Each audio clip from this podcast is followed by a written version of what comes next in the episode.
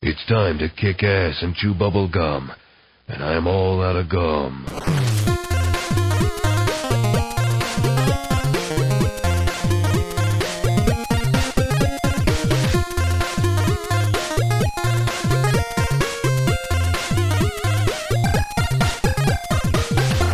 Welkom bij Buttonbashers aflevering nummer 55. De podcast die hopelijk net zo verslavend is als de games waar we het vandaag over gaan hebben.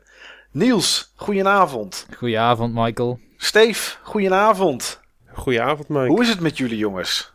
Nou, jij mag eerst eh, zeggen, eh, Niels, want jou eh, heb ik echt al heel lang niet gehoord. Nee. Oh, oké. Je hebt elkaar natuurlijk al even moeten missen omdat Niels natuurlijk in China land was. Dat is waar. Dat, ik besef me nu pas dat ik Steve al een week of drie niet gesproken heb. Ja, Maar eh, met mij gaat het prima. Heel druk, maar prima. oké. Jou ook prima, Steve? Ja, met mij gaat het ook prima, want ik heb over een kleine twee weken vakantie. Oh, eh, drie weken lang ook? Drie weken lang. Oh, heerlijk. Oh, wat Ja. ben ik daar jaloers op zeg. En heb ik daarna nog een klein restje rond kerst. Zo. Oh, oh, met oh. eh, verplichte vrije dagen, met eh oud en nieuw moet ik zeggen. Oud en nieuw, want kerst valt in mijn vakantie. Jeetje, nou dat wordt een hoop gamen denk ik. Of heb je hele andere plannen? Ga je verbouwen of zo? Of, eh, Eh, nee, dat wordt een hoop gamen. Oké. Dat wordt een hoop eh gamen. Af en toe plan. wel even naar buiten, hè? Als het goed weer is, zeker. Ja, nee, dat, dat is wel... Maar eh, dat, dat doe ik toch altijd wel. Jawel, even, even frisse neus halen. Ja, deze neus moet gelucht worden hoor, dat is heel belangrijk. Ja, zeker weten. Jij hebt je nieuws, eh, jij hebt je nieuws voor mij dan. Jij hebt je neus ook natuurlijk gelucht nieuws. In China. Ja, We hebben het natuurlijk nog, nog, nog niet echt over gehad, maar even kort wat... Je eh, kan je neus daar goed luchten hoor. Het is echt. eh, Nou, ja, echt, we hebben filmpjes, eh, filmpjes gezien. Dat zag er... ik wist niet wat ik zag, joh. Het leek wel of ik naar iets uit Mass Effect zat te kijken. of Silent Hill op de PlayStation 1 of zo. Ja, dat kan ook met al, met al die smok. Ja, Maar eh, hoe was het daar? in de steden waar ik ben geweest had ik daar geen last van. Ik was geweest in Guangzhou. En dat is echt een supermoderne stad. Dus daar moet je je niet zoiets voorstellen als eh, dat oude China wat je misschien in je hoofd hebt. Als je aan China denkt. Maar ehm, ja, dat is eh, misschien wel de modernste stad waar ik tot nu toe ooit ben geweest. En dat is inclusief New York, eh Tokio, eh Seoul. Dit gaat nog zoveel verder, is zoveel moderner nog. Dat is echt een gekke stad. Ja, want als je China, ja, weet je, we krijgen natuurlijk hier, we krijgen of, of we krijgen iets van Hongkong of zo krijgen we te zien als we hier iets zien op tv. Of je ziet, ja, zo'n vrouw met zo'n, met zo'n gevouwen rieten hoedje en zo'n, zo'n babytje of kindje wat dan in de modder ligt met een Giro-nummer eronder, zeg maar. Het is, het zijn, ja, het is een van die twee dingen die wij hier meestal zien. Maar dat, dat is daar dus helemaal niet in die stad. Nee, die stad is echt heel anders dan je je voor zou stellen van China. En het heeft ook een heel goed metronetwerk. Dat eh, als je ooit in eh, Seoul of in Tokio bent geweest, dan weet je precies wat je te wachten staat. Alleen alles is nog een stuk moderner dan in beide steden. Maar ehm, voor de luisteraars, ik denk dat eh, als je bijvoorbeeld in het, het, het centrum van Guangzhou bent, dat is een extreem groot plein. En er staat ook een hele, hele hoge toren, een observation tower. En op die toren zit een horizontaal reuzenrad en zo'n freefall attractie. Weet je wel, waar je met zo'n bankje zeg maar omhoog wordt getakeld en naar beneden laat vallen. Ja, Maar daar staan de hoogste gebouwen die ik ken. Die, dat ook nog eens displays zijn, dus die op allerlei manieren licht kunnen geven en zo. Ehm, er ligt een heel groot park waarin alles verlicht is. Het lijkt alsof je in een Mass Effect stad rondloopt. Dus een hele moderne bewegwijzering en overal geluid en muziek en ambiance en zo. Dat is echt... ehm, Als je dat zo vertelt, hè, en met, met gebouwen, met licht en overal geluid, is daar wel ergens een punt van rust aan te vinden? Want word je er niet helemaal knettergek van? Nou, het is geen, eh geen technomuziek. Het is hele Nou, hallo, rustige... wat is daar mis mee? er is niks mis met technomuziek. Ah ja, oké. Maar het is heel rustig in dat park. Oké. En eh, de- ik ben ook naar een ander park geweest. Ehm, ik was op zoek naar een of andere tempel. Die had ik in, in eh, TripAdvisor gevonden. Je hebt trouwens geen Google. Dat is een, een beetje lastig. Ja, Maar Bing werkt wel en eh, Yahoo Search werkt ook. Dus daarmee kon ik nog het een en ander vinden. Maar er was ook een ander park en het was in het weekend. En het was wel interessant. Daar liep ik in en het zat helemaal vol ouderen en bejaarden. En die waren allemaal aan het sporten of spelletjes aan het doen. Bordspelletjes doen of zo. Of eh, zaten die eh, Pokémon te spelen. Of eh, Yokai Watch. Of... Geen digitale spelletjes, het waren bijna allemaal fysieke spelletjes. Oké. Zoals eh frisbeeën of, eh, of Oh, dat soort dingen. Misschien met een bal overgooien of zo. Een beetje actief. Ja, ja, of heel veel eh, hoog houden met soort van uh, shuttletjes. Ja, gewoon een soort badminton. Badminton. Van badminton inderdaad, ja. Dus dat was ja, wel dat is leuk heel om te zien. populair in Azië. Ja, dat doen ze daar veel. En tafeltennis, denk ik. Ja, ik heb het idee dat die mensen, ze hebben daar volgens mij een minder zorgstelsel dan hier in Nederland. En dan kiezen ze er gewoon voor om met elkaar te spelen en fitness te doen in het park. En dat vind ik wel een leuke sociale oplossing. En was daar dan ook muziek bij? In dat Daar park? was ook muziek bij, ja. Er zat zelfs iemand stond er te zingen. Oké. Nou, en de andere stad waar ik nog ben geweest is Hongkong. En ehm, daar had ik wel meer last van de lucht en de atmosfeer. Maar niet zo als je wel eens op die filmpjes ziet. Dus je zag Nee, genoeg. dat, dat de hele stad eigenlijk bedekt is, zeg maar. Dat is het niet. Nee, inderdaad. En ik had jullie nog af en toe een WhatsAppje gestuurd, want WhatsApp bleek wel Ja, te je was, werken. je was niet helemaal weg. Je was niet helemaal weg. In Hongkong werkt trouwens Google wel gewoon en Facebook. Grappig. Ik heb een hele grote Battlefront banner zien hangen in een winkelcentrum. Zo. Volgens mij had je die doorgestuurd, toch? Ja, daar hebben we volgens mij eh, een foto van gezien, inderdaad. Ja. Of iets van de Xbox, ik weet niet. Maar we hebben iets gezien, maar dat was heel schaars, inderdaad. Nou ja, Xbox heb je wel veel meer van in China dan, eh, dan PlayStation, heb ik het idee. Dat is Maar wel dat komt misschien doordat Xbox er eerder was. En het schijnt dat Microsoft een goede relatie met China heeft. Dat helpt. Ja. Dat, dat helpt inderdaad. Dat zal En inderdaad een helpen. Xbox Café heb ik gevonden. Daar heb ik ook nog een foto van gemaakt. Oh, oké. En dat, eh, daar staan Xboxen en dan kan je gewoon zitten en dan een game spelen. Met Maar het een- was heel druk. Oh, was dat, was dat een Xbox café? Misschien heb ik dat dan doorgestuurd inderdaad. Ja, dat zou kunnen inderdaad. Nou ja, je hebt je in ieder geval vermaakt, zo te horen. Uitzonderlijk, ja. En het is een goede, goede trip geweest. Dus dat is, eh, nou, dat is alleen maar positief. En wij, ja, wij kunnen natuurlijk niks anders zeggen, Steve, dan dat we blij zijn dat hij weer heel huids terug is. Absoluut, absoluut. Dat is altijd maar de vraag. Nu kunnen we tenminste weer gewoon dingen met z'n drieën op gaan nemen. Ja, precies. Dat is leuker. Nou, dat gaan we vandaag ook doen. We hebben een, eh, een- misschien wel een heel zwaar, maar ik denk wel een heel mooi hoofdonderwerp. Eh, ja, daar gaan we het zo meteen natuurlijk over hebben. Maar ondanks dat eh, Niels naar de andere kant van de wereld is geweest, op zijn kop heeft gestaan en eh, wakker was terwijl wij aan het slapen waren en andersom, verandert er niks aan het format en gaan we eerst naar de Game Talk.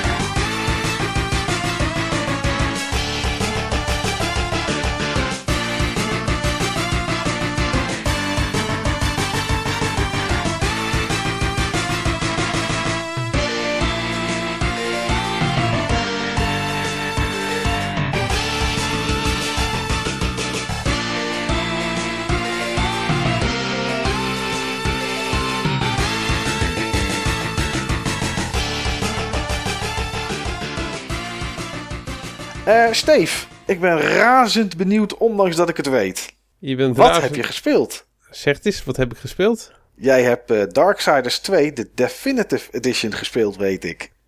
Ah, je hebt mee zitten kijken op, eh, op PSN. Nee, je hebt het mij verteld. Oh, Je hebt het mij laatste keer verteld toen we een eh Baby Bulletin eh, op hadden genomen. dat, eh, oh ja, dat klopt ja. Dat toen klopt. vertelde je het mij. Ja. Ik, ben, ik ben wel erg benieuwd. Ja, het is Darksiders.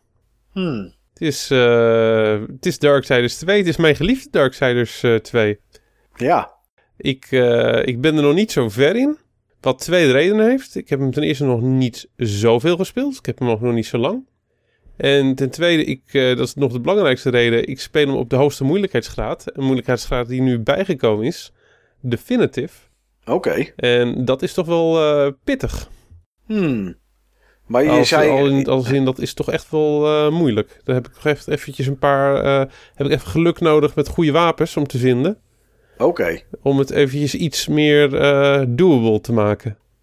Maar je zegt mijn geliefde Darksiders 2. Is dat het nog steeds? Nu je het in 60 frames per seconde 1080p ziet. Het is niet 60 frames per seconde. Oh, dat is het niet geworden. Oké. Nee, het is, eh, het is, Gewoon dit- nog steeds het is 30. 30 eh, frames per seconde. Het speelt wel vloeiender dan de eerste versie van Darksiders 2. Maar ik kan zeker niet zeggen van dat het een stabiele 30 frames per seconde is. Oh, want volgens Want ik mij... Heb, ik heb zeg maar echt eh, honderden uren eh, gespendeerd aan een game die draait op 30 frames per seconde en die nooit een frame laat vallen. Ik heb echt in, in al die honderden uren Destiny heb ik nooit een frame drop gehad, want die zijn er gewoon simpelweg niet. Maar eh, ja, hier zie je toch echt wel af en toe, eh, als de camera een beetje raar draait, dat hij toch eventjes eh, zichzelf moet herpakken. Was dat ook niet in, gewoon in Darksiders 2 zelf? Dat was ook in Darksiders 2 zelf. En je hebt absoluut minder. Het draait absoluut soepeler. Ehm, met name op, op je paard. I- is echt gewoon een grote, eh, best wel een verschil. Je merkt echt wel dat het soepeler draait hoor. Alleen het is nou niet van. de- het, het heeft niet de performance die ik ehm, verwacht had. Nee, wat je zou die ik zeggen. gehoopt had, laat ik het zo zeggen. Ik had het wel verwacht, want Niels had me dan een beetje voor eh, gewaarschuwd. Oké. Het, is, het is zeker niet dat de framerate alle kanten op, eh, op gaat. Maar het is geen stabiele 30 frames per seconde. Wat wel enorm echt verbeterd is, is die resolutie. En die maakt het ook echt in sommige opzichten een leuker spel. Want heel veel eh, dingen van Darksiders die draaien om exploratie. Ja. Je ziet bepaalde dingen gewoon echt veel beter. Je ziet het echt gewoon noemenswaardig beter. Ik kan eh, eh, bepaalde geheimen kan ik gemakkelijker uit de verte zien. Bepaalde dingen die ik anders gewoon met een guide had moeten opzoeken. Ehm, want ik ben echt wel genoeg van die game vergeten om er zomaar overal naartoe te lopen. Maar de dingen die ik echt anders over het hoofd gezien had, zie je. Hmm. Ja, Klinkt toch. een beetje als een soort eh, Wind Waker HD. Dat was in heel veel opzichten een verbetering, behalve de framerate. Het is toch wel raar. Ik vind, ik vind, het, vind het toch heel raar. Ja, ik vond eh, de framerate van eh, Wind Waker HD toch behoorlijk stabiel hoor. Ja, die had wel problemen. Er waren wel plekken waar die inderdaad af en toe even dropte. Maar ik snap... Ja, vandaar Dat snap was, ik echt het ook wel, niet dat van. was echt wel een upgrade, maar er zaten natuurlijk echt wat meer generaties tussen. Ja. Ja, dat klopt. Ja. Maar eh, het, het, is ook wel, het is ook wel verbeterd hoor, die, ehm, die, eh, die, die framerate. En eh, bepaalde dingen als, als begroeiing en dat is allemaal echt een stuk, stuk voller. Textures zijn veel scherper, alles is gewoon veel scherper. Het oogt allemaal echt wel veel meer af. Maar ja, ik, ik, ik vind wel dat het duidelijk is van dat die engine zijn makken had die, eh, die je niet eenmaal 1, 2, 3 oplost met gewoon de, de grotere performance die eh, zo'n PS4 biedt. Nee, meer kracht is in dit geval niet de oplossing voor de problemen die daar eh, bij de originele erin zaten. Nee. Het blijft wel echt een geweldige game die ik iedereen aanbeveel om, om te spelen. En dan is deze versie, wat mij betreft, ook wel definitive. Ja. Ehm, ze, hebben, eh, ze hebben ook de DLC geïntegreerd. En ik ben nog niet op het punt van dat ik zeg maar toegang heb tot, eh, tot de extra dungeons eh, die via de DLC zijn uitgekomen. Maar met name die tweede en die derde dungeon die ze via DLC gereleased hebben, die zijn echt heel goed.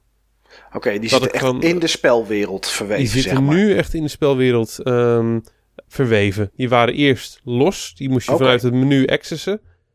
En dat is nu netjes eh, geïntegreerd. Hebben ze voor de rest nog dingen aangepast, Steve? Gameplay elementen, want we hadden net eh, nieuws. Pak natuurlijk even Wind Waker. Daar hebben ze natuurlijk het varen wat sneller gemaakt. En dat nee, het is dingen. echt een, eh, het is een remaster, geen remake. Oké, oké. Ze hebben echt gewoon hup, na HD. Ja, die nieuwe erin. moeilijkheidsgraad. die Ja. ook echt moeilijker is. Het geeft me ook wel echt weer een uitdaging. Is dit een game die je tussen kerst of straks in de, in de drie weken vrij gaat uitspelen? Of in ieder geval een poging voor toe Ik hoop eigenlijk toch wel dat ik daarvoor, ehm, dat ik ervoor al een heel eind ben. Ja, precies. Oké. Ik heb eigenlijk wel een paar andere eh, games op mijn verlanglijstje staan die ik zeg maar eh, dan eh, mee zou willen pakken. Ja. Ik zou eerder deze game dan tot een bepaald punt spelen, van dat ik hem makkelijk kan laten liggen en daarna weer verder gaan. Hmm. Wat kostte die, Steve? Was die full price? Nee, nee, eh, ik heb er volgens mij eh 26 euro inclusief verzenden voor betaald. Oh, dat is wel een hele nette Ja, prijs. prima hoor. Dus eh, zeker zijn geld goed waard. Ja, ja, nou, als ze dat vaker zouden doen, dit soort remasters met DLC erbij voor dit soort bedragen. Ik bedoel, eh, 26 euro inclusief verzenden klinkt, ja, vind ik ook nog wel aantrekkelijk genoeg om eventueel aan te schaffen. Ja, ja, het is, eh, hij is zijn geld is echt zeker waard op, op deze manier. En eh, los daarvan, ik vind echt een game die je moet, eh, die je moet spelen. Ja, nee, ik, Ik, heb eh, hem gespeeld en het is Ik ben de eerste, topper. de eerste dungeon ben ik alweer door. En het was echt gewoon weer tof om, eh, om in die spelwereld te lopen en eh, met die puzzels bezig te zijn. Oké, nou, nice. Dit zou er voor mij wel eens eentje voor het najaar kunnen zijn. Of voor het najaar, voor Maar de ik wou, dat, winterdagen. ik, ik wou net zeggen, Niels, we zitten midden in het najaar. Ja, klopt ja. Ja. Alleen ik weet niet of dat ik hem opnieuw ga kopen, want ik heb hem al twee keer. Oh, En eh één keer ook met de DLC, die als het goed is ook geïntegreerd nee, is. nee. Ten eerste heb je... Je hebt het over de Wii U-versie. Ik heb PS3 en Wii U. Die Wii U-versie, die is... eh, Ten eerste is dat niet met alle DLC. Oké. En ten tweede is die niet geïntegreerd. Ik weet niet wat de DLC met te bieden heeft. eh, extra dungeons volgens mij. Extra dungeons. En, eh, ik, je kan wel zonder hoor. Je kan wel zonder. En eh, ik, volgens mij is de DLC ook gewoon te krijgen op, eh, op Wii U. Al weet ik dat niet zeker trouwens. Nou ja, ik weet Maar, in ieder geval... eh, Wat ik wel weet is dat eh, de Wii U-versie de versie is met de minste framerate en de minste graphics.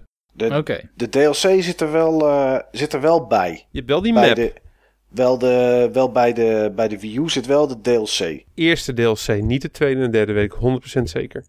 Oké, ik, zie hier, ik zie hier alleen staan dat de DLC erbij zit, zeggen ze zelf. En dat dat vijf uur aan extra game content geeft. Maar ik weet inderdaad niet of dat, eh, wat daar dan precies bij zit, Steve. Maar als jij het zegt, dan, eh, dan moet dat.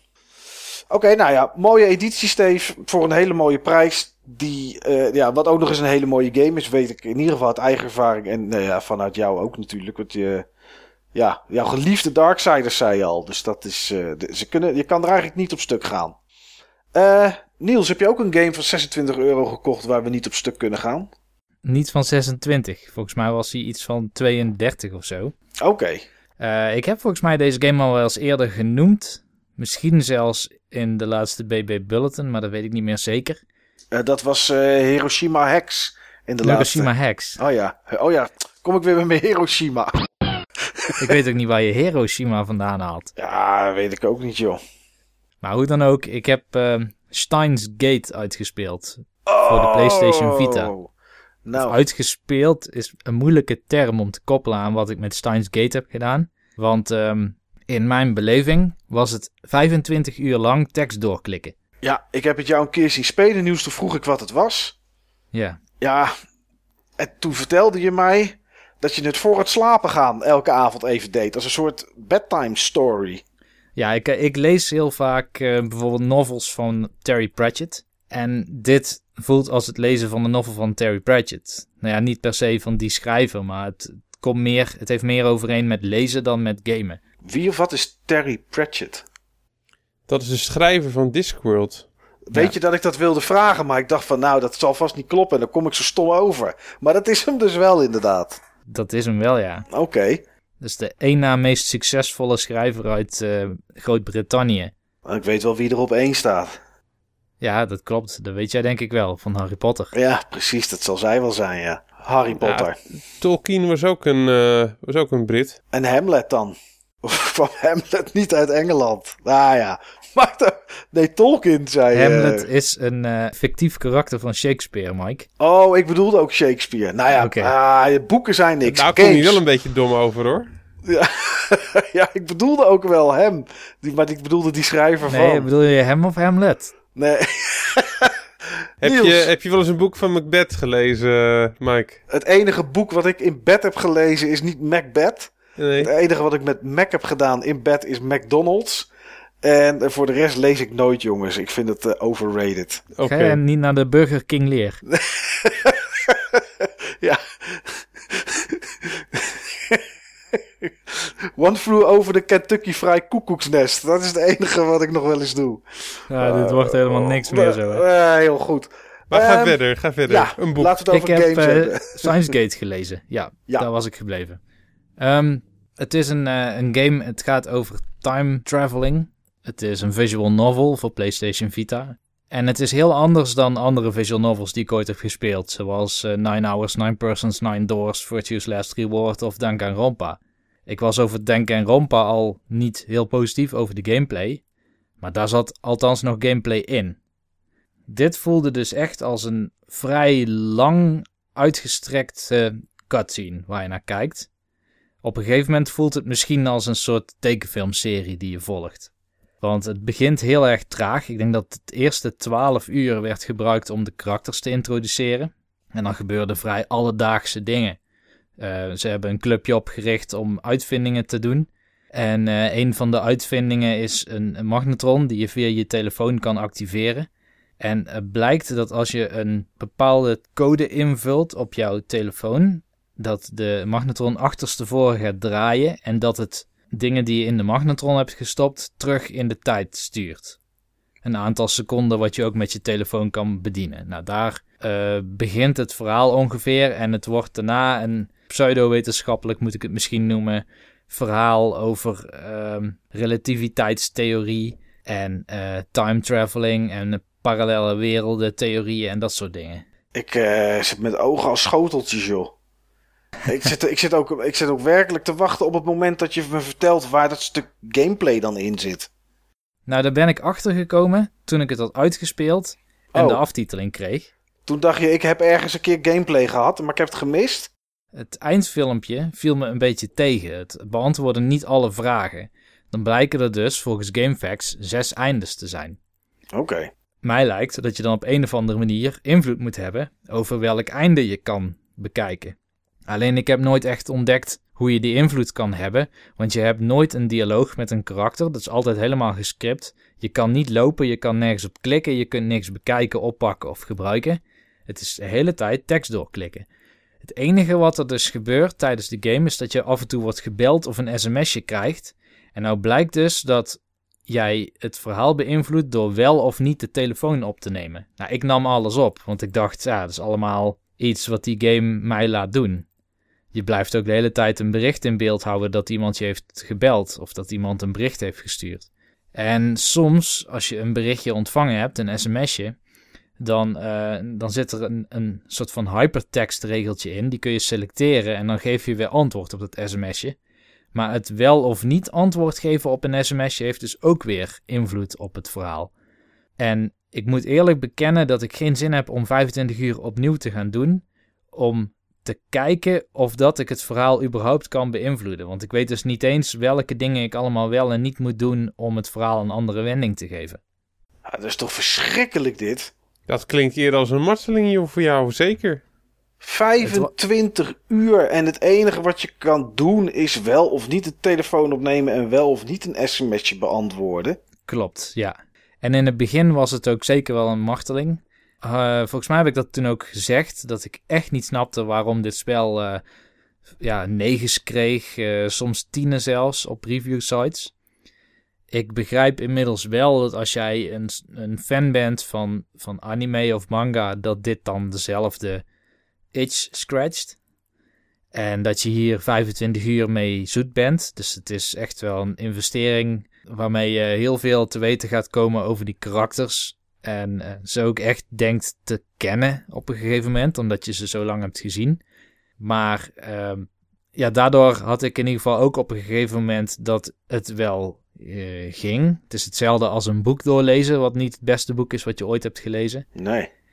En het verhaal is absoluut wel erg goed. Vooral voor gamebegrippen zou ik het wel. Um, ja, ik zou het misschien nog geen 9 Hours, 9 Persons, 9 Doors noemen. Maar wel denk ik in de beste drie of vijf die ik ooit heb gespeeld. Ja, maar het, je kan dit toch geen game noemen, Niels? Je kan het geen game noemen, nee. Het is uh, zelfs voor een Choose Your Own Adventure boek is het nog een vrij basale uiting. Ja. Nou, respect hoor dat je hier doorheen hebt geworsteld. Uh... Maar één belangrijke vraag. Waarom? Ja. Waarom? Ja, dat was, dit was echt een take one voor het team. Voor welk team? Wat, voor voor mij had je hem niet hoeven nemen hoor. nee, ik, uh, ja, respect hoor. En, uh, maar wist je dit van tevoren niet, Niels? Je hebt er toch wel iets over gelezen van tevoren? Nee, ik wist dit niet van tevoren, nee. Ik had op een gegeven moment wel het vermoeden dat het iets te maken had met je telefoon. Maar omdat die mechanics met je telefoon zo uh, binair zijn, zo bazaal, had ik niet het idee dat je daar zoveel invloed uit mee kon oefenen dat je zes verschillende verhaallijnen mee kon maken. Maar ik moet zeggen, ik heb vooral doorgezet omdat ik uh, best wel vaak spellen probeer te spelen die buiten mijn persoonlijke, ja, hoe moet ik het zeggen? Interesses liggen. Buiten mijn persoonlijke interesses inderdaad. Gewoon puur om te kijken wat daar dan in zit, wat anderen heel erg interesseert. Ik heb wat dat betreft best wel shovelware gespeeld. Ik heb uh, ooit een, een paardrijdspel gespeeld of zo. En ja, maar daar zat nog meer in qua gameplay dan in dit, man. Er zat meer gameplay in dan dit, inderdaad. Ja. Uh, wat ik dan wel benieuwd naar ben, is ongeveer 25 uur doe je erover om het uit te spelen. Je zei, ik doe het elke avond voor, voor het slapen gaan, deed ik dan. Hoeveel, hoeveel avonden ben je hiermee in slaap gevallen, Niels? Hoeveel, hoeveel weken heb je hierover gedaan? Nou, het vreemde wel is, ik weet eigenlijk niet precies meer hoeveel avonden per week ik het speelde. Ik denk twee of drie. Maar één opvallend ding is dat elke keer als ik naar mijn save game time keek, dan zat er steeds aardig veel tijd bij. Dus wanneer ik voor mijn gevoel 10 minuten het spel had gespeeld, tikte ik eventjes 40 minuten af. Oké. Dus blijkbaar was het toch wel interessant genoeg om te blijven spelen voor steeds zo lange tijd. Maar het had ook mee te maken dat ik probeer te saven op een moment waarop het voelt alsof een nieuwe aflevering begint van een televisieserie of zo. Ja, precies. een nieuwe dag begonnen in het spel. Uh... Ja, niet midden in, het in, een, in een lopend verhaal, zeg maar. Nee, nee, nee. Want er, is, er gebeurt te veel wat je probeert te onthouden omdat je denkt dat je het nodig hebt om een moeilijke beslissing te nemen in het spel. en die komen niet. En die komen niet. oh, verschrikkelijk. Maar ik kan me goed voorstellen dat heel veel mensen dit wel echt heel leuk vinden. Er komt ook een vervolg of een prequel aan. Ik weet eigenlijk niet welke van de twee. Um, komt volgens mij voor Vita, PS3 en PS4 uit zelfs. En volgens mij komt deze game ook naar PS4. Ja, dus voel je je aangesproken Ik zet tot... het alvast in mijn agenda. Juist. Nog één keer Niels, hoe heet het? Steins Gate. Steins Gate. Ja, okay. naar de gelijknamige anime-serie. Tuurlijk, wist ik. Ik heb alle boeken gelezen. Oké. Dus daar hou ik het maar bij, bij Steins Gate. Dat is de laatste keer in de podcast dat ik het erover heb gehad. Ja, behalve als Steve of ik het oh, ga wacht, spelen. De plaatjes komen wel bekend. Ik heb hier wel dingen van gezien. Ik heb, hem, ik heb er wel dingen van gezien inderdaad. Ja, het, is, uh, het, is, het is wel bekend, dat Steins Gate. Het is wel bekend inderdaad. Maar ik zou dit voor geen geld op een console willen spelen. Dat zou gewoon echt niet lukken. Vita, Allah. Oké. Kun je tenminste nog in bed of onderweg genoeg, of zo. Genoeg over Steins Gate. Hou, het boek mag dicht, uh, uh, Niels. Goed dat je jezelf erheen uh, geslagen hebt. Voort te niet yes. meer doen, hè? Mike, heb jij je ook nog ergens doorheen geslagen? Nou, ik heb iets heel snel mijn huis uitgeslagen. En dat is Star Wars Battlefront. Ah. Ik, uh, ik had de diskie liggen uh, ter review. En ik ging zelf de review niet doen.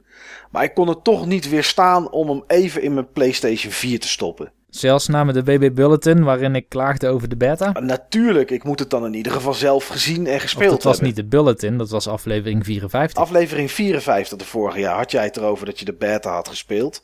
Ja. En uh, net zoveel respect als ik voor jou heb voor um, uh, 25 uur Steins Gate, waar we het nooit meer over gaan hebben, heb ik dat ook voor de tijd die jij in Star Wars Battlefront hebt gestoken, Niels. Kijk aan. Want ik, ik kwam al niet zo ver. Um, het eerste waar ik me eigenlijk aan irriteerde, en dat heeft niet zozeer met de game te maken, maar überhaupt met het fenomeen consoles van de laatste tijd, is ik weet niet waarom jullie ooit uh, zijn gaan spelen op een console, behalve dan dat je niet achter een muis en toetsenbord wilde zitten. Maar, um, en we hebben het er wel vaker over gehad, maar het kwam het toch weer pijnlijk over deze ronde, is dat ik altijd het voordeel vond van een console, dat je er een disc in stopt of een cartridge. En dat je kan spelen. He, dat, uh, je stopt hem erin, je drukt op start en je kan spelen. Nou, Star Wars Battlefront hoeft niet te installeren, denk je, op je PS4. Je stopt de disc erin. Hij ging uh, een patch downloaden van 244 MB. Nou, dat was allemaal heel snel binnen. Ik zag geen balkje lopen in mijn, uh, in mijn homescherm. Ik denk, nou, mooi, lekker. Gelijk spelen. Dus ik start die game op krijg ik een of ander pseudo mini-game-achtig iets met Darth Vader. Om uh, allerlei uh, rebels neer te slaan met mijn lightsaber. Terwijl de game aan het installeren was. Nou, uh, kan je zeggen dat is beter dan een balkje wat je ziet lopen. Maar bij zo'n balkje wat je ziet lopen heb je nog een idee hoe lang dat ongeveer gaat duren. Bij Star Wars Battlefront had ik dat niet. En dit zette eigenlijk al een beetje gelijk kwaad bloed. Want het duurde iets van 20 of 25 minuten. Waarin ik echt een heel erg soort horde mode-achtige Darth Vader missie aan het spelen was. Die nergens mee van doen had. Wat ook helemaal niet leuk was. Waar ook een hele slechte Darth Vader stem vond ik in zit. Het leek een beetje op een soort uh, ja, medewerker van de service balie van de V&D. Zo vond ik een beetje dat die, eh, dat die klonk. Ehm nou, en toen, toen was dat klaar. En toen kwam ik in het menu. En toen nou, werd mij gevraagd of ik eerst een trainingsmissie wilde spelen. Nou ja, goed, doe maar. Trainingsmissie. Nou, die trainingsmissie was echt heel basis. Met zo loop je. Zo, zo, zo loop je naar links. Zo loop je naar rechts. Zo kijk je. Zo schiet je. Nou, oké. allemaal gedaan. Toen dacht ik, nou weet je, ik begin gewoon nu echt met spelen. En toen er zaten negen modes in. Um, ik denk, ik begin met Heroes versus Villains. Dat klinkt heel goed. Nou, uh, je, je, wordt of uh, een standaard stormtrooper als je bij de dark side zit. Of je wordt uh, Darth Vader, um, Palpatine of... Uh, nou, ik, ik die weet Bounty Hunter Ja, die Bounty Hunter dingen. Uh, ik kan even niet op zijn naam komen. Boba Fett. Boba Fett, Boba inderdaad. Fett, ja. ja. dat is hem. Aan de andere kant ben je Luke Skywalker, Leia of iemand anders. Ik weet niet eens wie het was. Han Solo, denk ik. Nou, en als je dan een van die heroes hebt neergeschoten, uh, elke kant heeft er drie, dan um, kom je terug als gewoon een soort rebel of als een stormtrooper. En dan de eerste die de drie heroes kapot zijn, die hebben dan verloren. Nou goed, twee potjes gedaan, vond niks aan. Toen heb ik een, uh, een missie gespeeld waarbij de, daar heb jij toen over verteld, nieuws over van die pots die uit de lucht vielen en die je dan moet veroveren, zeg maar. Waar een soort, er is een soort kleine basisgelden, die moet je een lange tijd, moet je die uh, occupied houden, zonder dat die afgepakt wordt van je. Dan uh, er ergens weer een nieuwe, dan loop je daar weer naartoe. Nou, ook gedaan. En daarna uh, Walker Assault, want dat zou dan de meest geweldige modus moeten zijn. Dat is dan ook 20 tegen 20. En uh, heb ik ook één of twee potjes gedaan. En toen heb ik echt die disc uit mijn console gedrukt.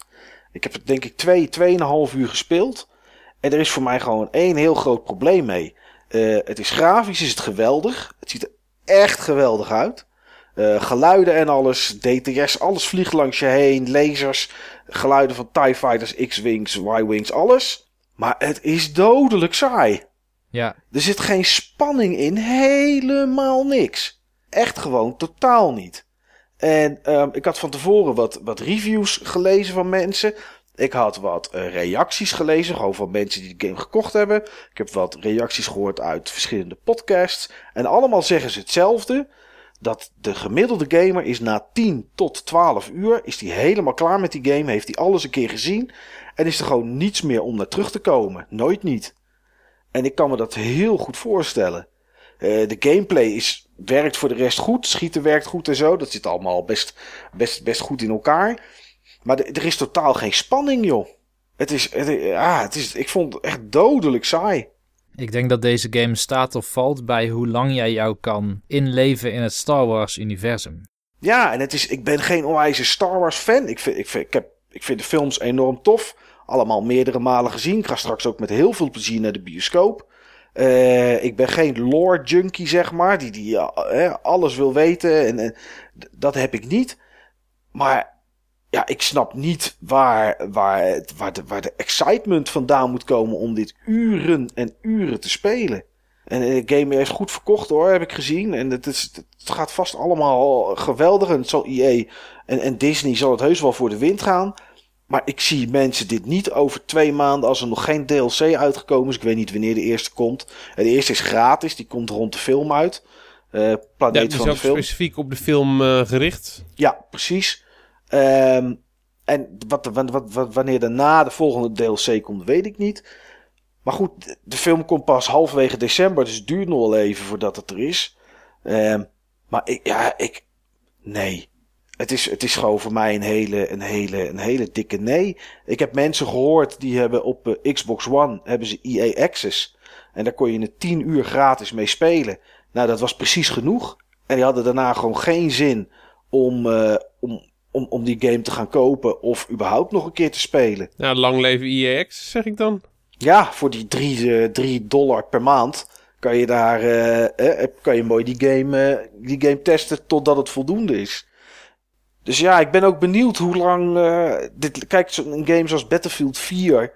Uh, om maar iets te noemen. Ja, daar hebben we natuurlijk jarenlang. Daar worden nog steeds dingen voor gedaan. En er zijn nog steeds hele grote communities die dat spelen.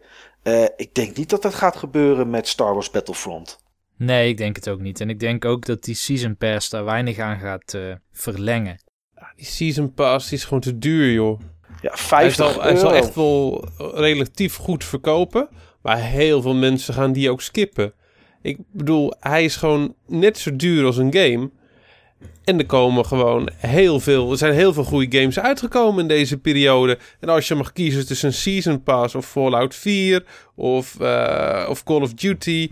Of, uh, of Tomb Raider. Als je ja. zeg maar op Xbox uh, zit. Nou, ik zou het wel weten.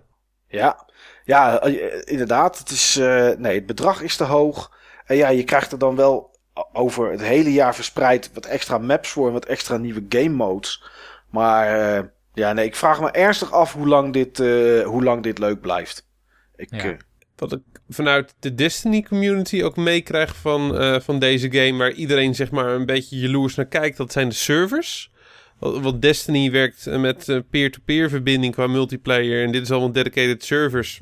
En ik hoor dat er gewoon heel veel constantheid is qua, uh, qua lag of het ontbreken daarvan.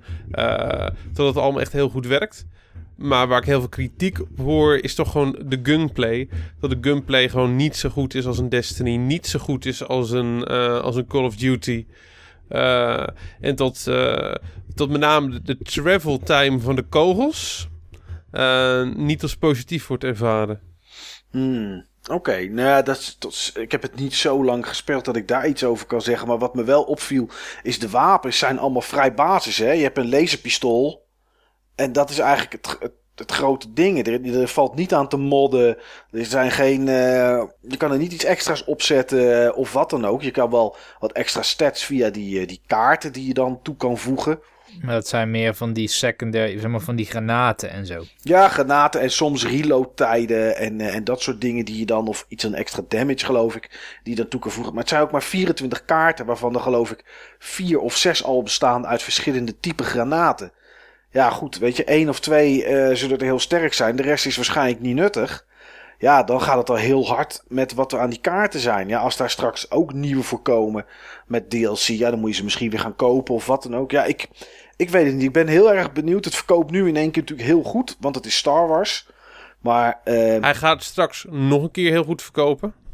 Als die in de aanbieding is, zeker. Nou, als die film er is en, uh, en uh, het is rond Sinterklaas en kersttijd. Ja, dan gaat het ook inderdaad wel, uh, wel hard. Maar, de kans is wel groot inderdaad. Maar je ziet ook wel dat de game het op Twitch niet echt goed doet. Dus dat zegt eigenlijk al genoeg. Nee, Fallout 4, die ik zelf oninteressanter zou vinden om naar te kijken, heeft meer kijkers op Twitch dan, uh, dan, dan Star Wars Battlefront. En ik geloof dat er een site is die de, het aantal concurrent players trackt. Oké. Okay. En dat was ook lager als je alle systemen bij elkaar optelt dan de PC-versie van Battlefield 4 alleen al had tijdens de eerste week. Ja. Nou ja, goed, we gaan het zien uh, over een paar weken hoe het uh, met deze titel gaat. Ik heb, uh, ik heb me er in ieder geval even aan gewaagd en ja, werd er niet heel warm van.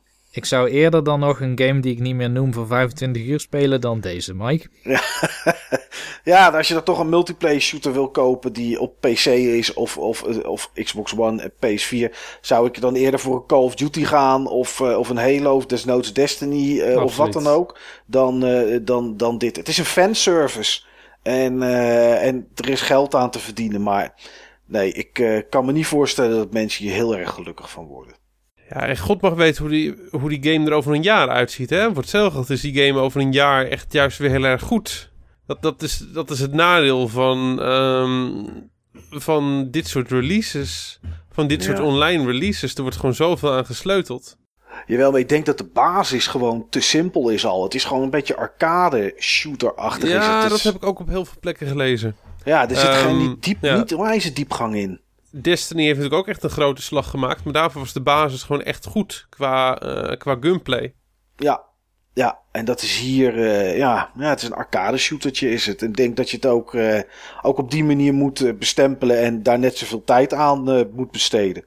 Ja goed, heb je daar 60 euro voor over, dan is het natuurlijk helemaal dikke prima. Moet je dat zelf weten. Maar ik zou het in ieder geval, ik zou het in ieder geval er niet voor over hebben. Steve, heb je nog iets anders gespeeld dan uh, de Definitive Edition van Darksiders 2? Ja, ik heb een uh, verzoeknummer aangenomen. Eigenlijk voor, voor de eerste keer. Zo. Ik eh, voel me eigenlijk een beetje eh, ja, op, op, op de tenen getrapt. Waarom jij wel, Steve, en wij niet? Omdat eh, ik op de beurs in Tilburg was. Ja, En ik daar eh, gesproken heb met een van onze luisteraars. Oké. eh, die me voor de tweede keer herkende aan mijn stem. Oh, Dus eh, dat, toen, toen voelde ik echt zo'n superster toen, ik voor de, toen het voor de eerste keer gebeurde. Volgens mij was het op de, deur, op de beurs in Deurne. klopt. Dat was, ook die, toen, was eh, ook die jongen. Heb je toen verteld inderdaad dat je daar... en ik was Ja. toen nog jaloers, want Niels werd ook herkend. En de enige waar ik toen aan herkend was omdat ik PlayStation 1 games kocht. Ja, Ja, verschil moet er zijn. een verschil moet er zijn inderdaad, ja. Ehm, een hele sympathieke jongen. En daar heb ik toen een deal mee gemaakt. Ehm, hij zou lid worden van het forum. Onder de naam Matteklopper. Eh, dat was een naam die hij altijd gebruikt op, eh, op digitale dingen, zei hij. En ik zou dan zeg maar... eh, ja, zijn game gaan, gaan spelen. Een game waarvan hij het heel erg jammer vond... dat we hem niet de revue hadden laten passeren... in de uitzending over portable games. Oké, Waaruit je dus kan afleiden tot een portable game is. ja. En ehm, dat is eh, Fallout Tactics. Oké. Dus vol- niet Fallout Tactics, Fallout Shelter. Fallout Shelter. Oh, Fallout ja. Shelter. maar de vraag is, Steve, wat heeft Matteklopper zich aangemeld op het forum? Zie jij een mattenklopper? Zie ik een mattenklopper in de lijst? Eh, Ja, eh, nou, ik ken niet iedereen, maar het zegt me even niets. Nou, ik heb nog eventjes gecheckt van tevoren, vandaag. Ja, Maar dat heeft hij nog niet gedaan. Maar ik weet zeker dat hij dit eh, uiteindelijk wel hoort. En dat hij daarna wel gaat doen. Want anders krijgt hij met zijn naam natuurlijk. Ja, anders krijgt hij met zijn naam inderdaad, ja. Maar ik heb het in ieder geval gespeeld. Fallout Shelter. Nou, ik ben benieuwd, Steve. Ik vond Wat het heel erg leuk. Oké, Ik vond het echt heel erg leuk. wat, is, er- wat is de fun factor voor jou eraan? De eerste vier uur. Oké.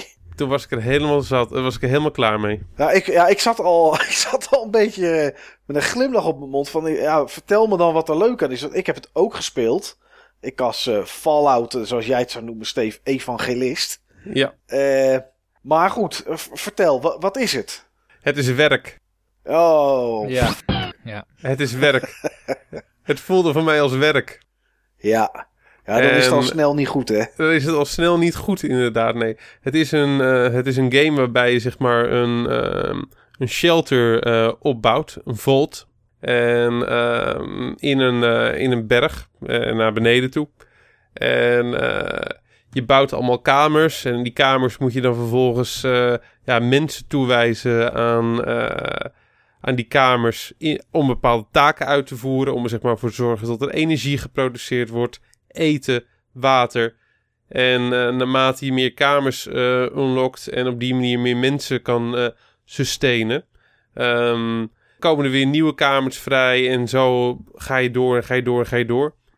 En eh, echt uitspelen kan je het niet, maar de limiet ligt volgens mij die, eh, op, op 200 mensen die je eh, zeg maar kan, eh, kan onderbrengen. En zie maar eens 200 mensen onder, onder te brengen met ongeveer 100% eh, happiness. Ja, Dat is een beetje de uitdaging. ja. Maar eh, het is een game die, eh, die eh, real-time doorgaat. Dus als, Eh, je, als je het niet speelt, dan loopt de wereld eh, loopt door, zeg maar, op je telefoon of op je Ja, tablet. en naar mijn gevoel wel langzamer als Ja. je niet speelt dan als dat je het wel speelt. Maar ehm, je, ja, je, je komt sowieso achter als je niet speelt. Oké.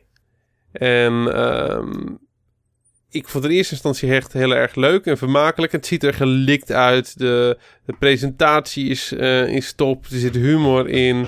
Eh, je kan je bewoners ook echt eh, volgen. Ze zeggen grappige dingetjes als je op ze inzoomt en, en ze wat meer volgt. Ehm, eh, als je 100% happiness scoort, dan voelt het ook best wel als een voldoening. Of als het goed gaat, voelt het best wel inderdaad gewoon als, als dat gewoon lekker gaat. Alleen als het eenmaal slecht gaat, ziet maar eens te keren. Ik ben ook een keer opnieuw begonnen.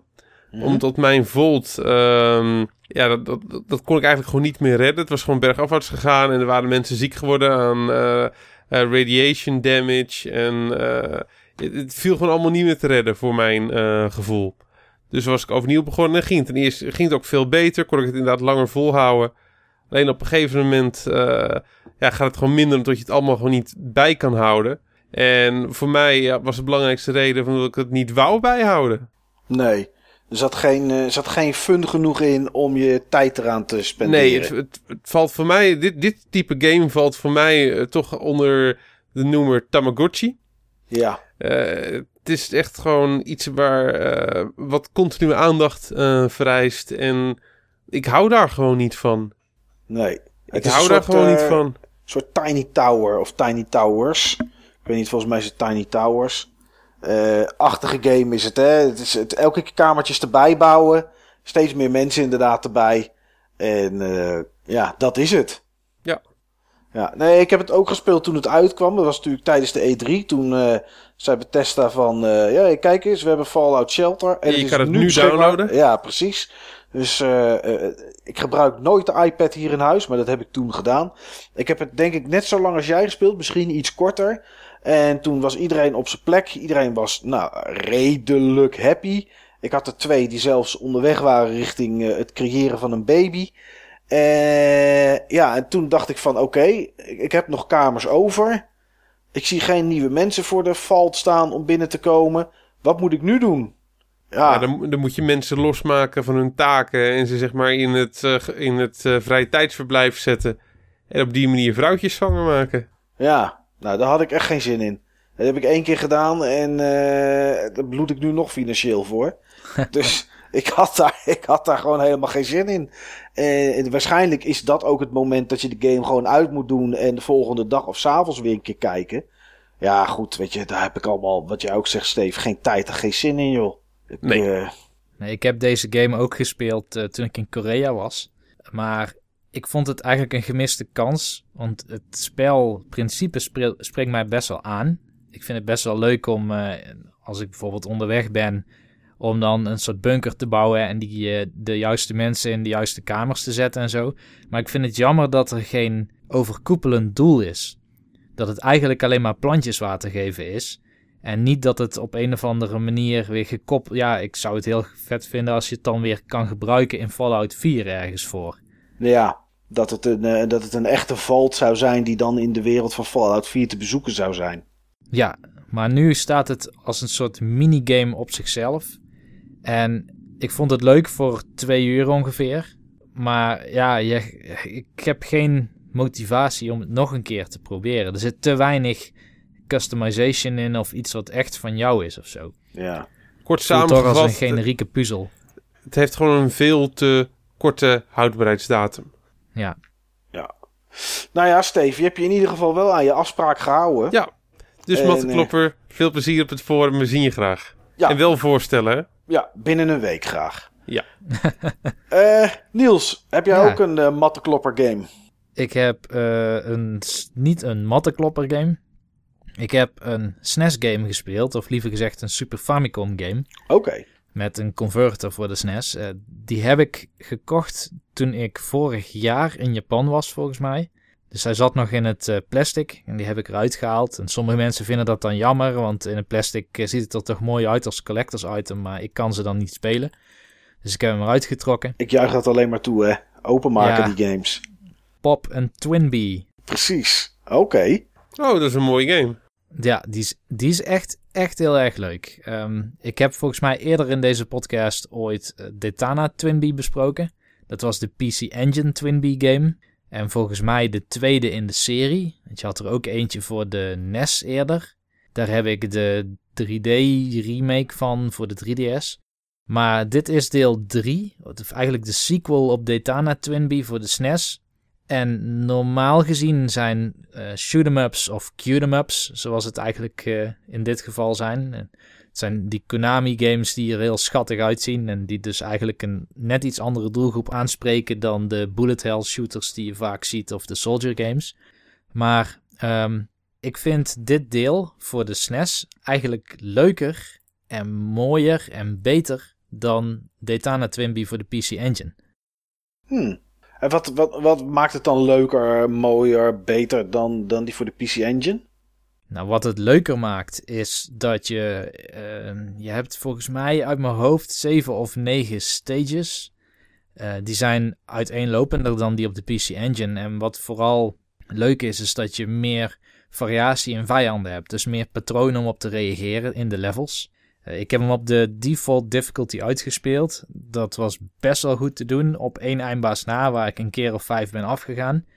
Maar ehm, qua difficulty zat het dus ook op zich wel, wel snor. En ik moet zeggen, ik was heel erg geconcentreerd. Dus het was niet alsof die game echt veel te makkelijk was. Maar ik, ik zat op zich wel goed in de flow. Dus het is vooral de afwisseling die, wat mij betreft, deze leuker maakt. En je kan ook uit drie types kiezen. Drie fire types, zoals in andere shoot-em-ups zelfs genoemd worden.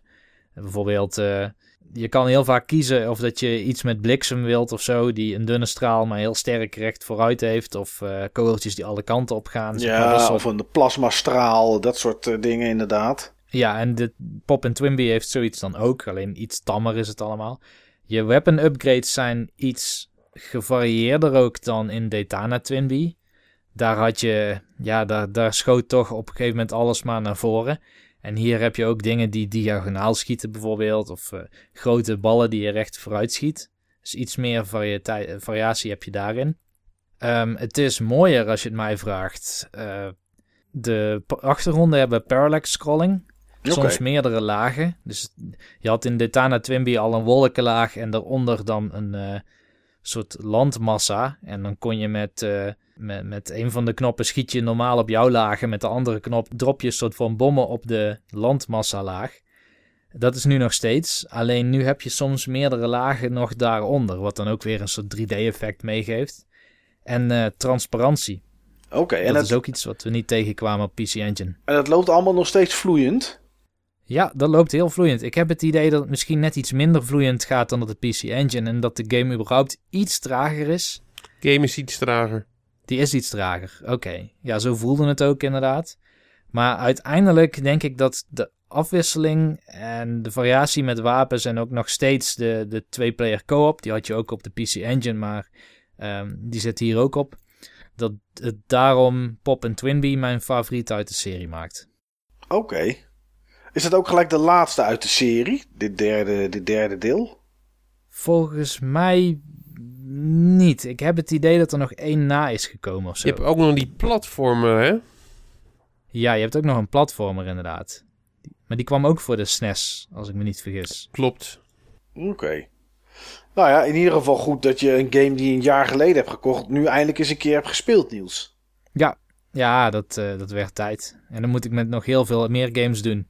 Oké, nou ja, dat gaan we dan vanzelf wel horen in deze of andere podcast, mag ik aannemen.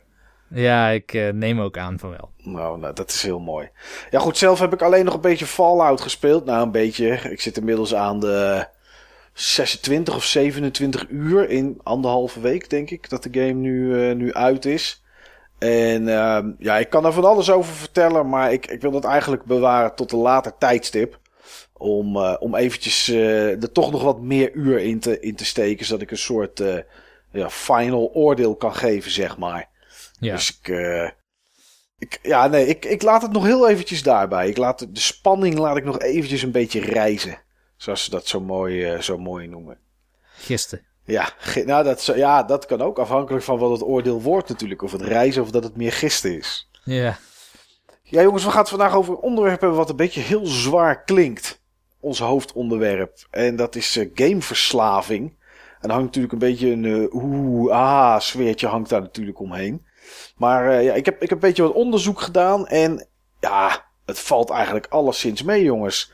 Dus uh, gooi er maar een vrolijk muziekje in, Niels. Voor dit misschien toch wat zware onderwerp. Okidoki.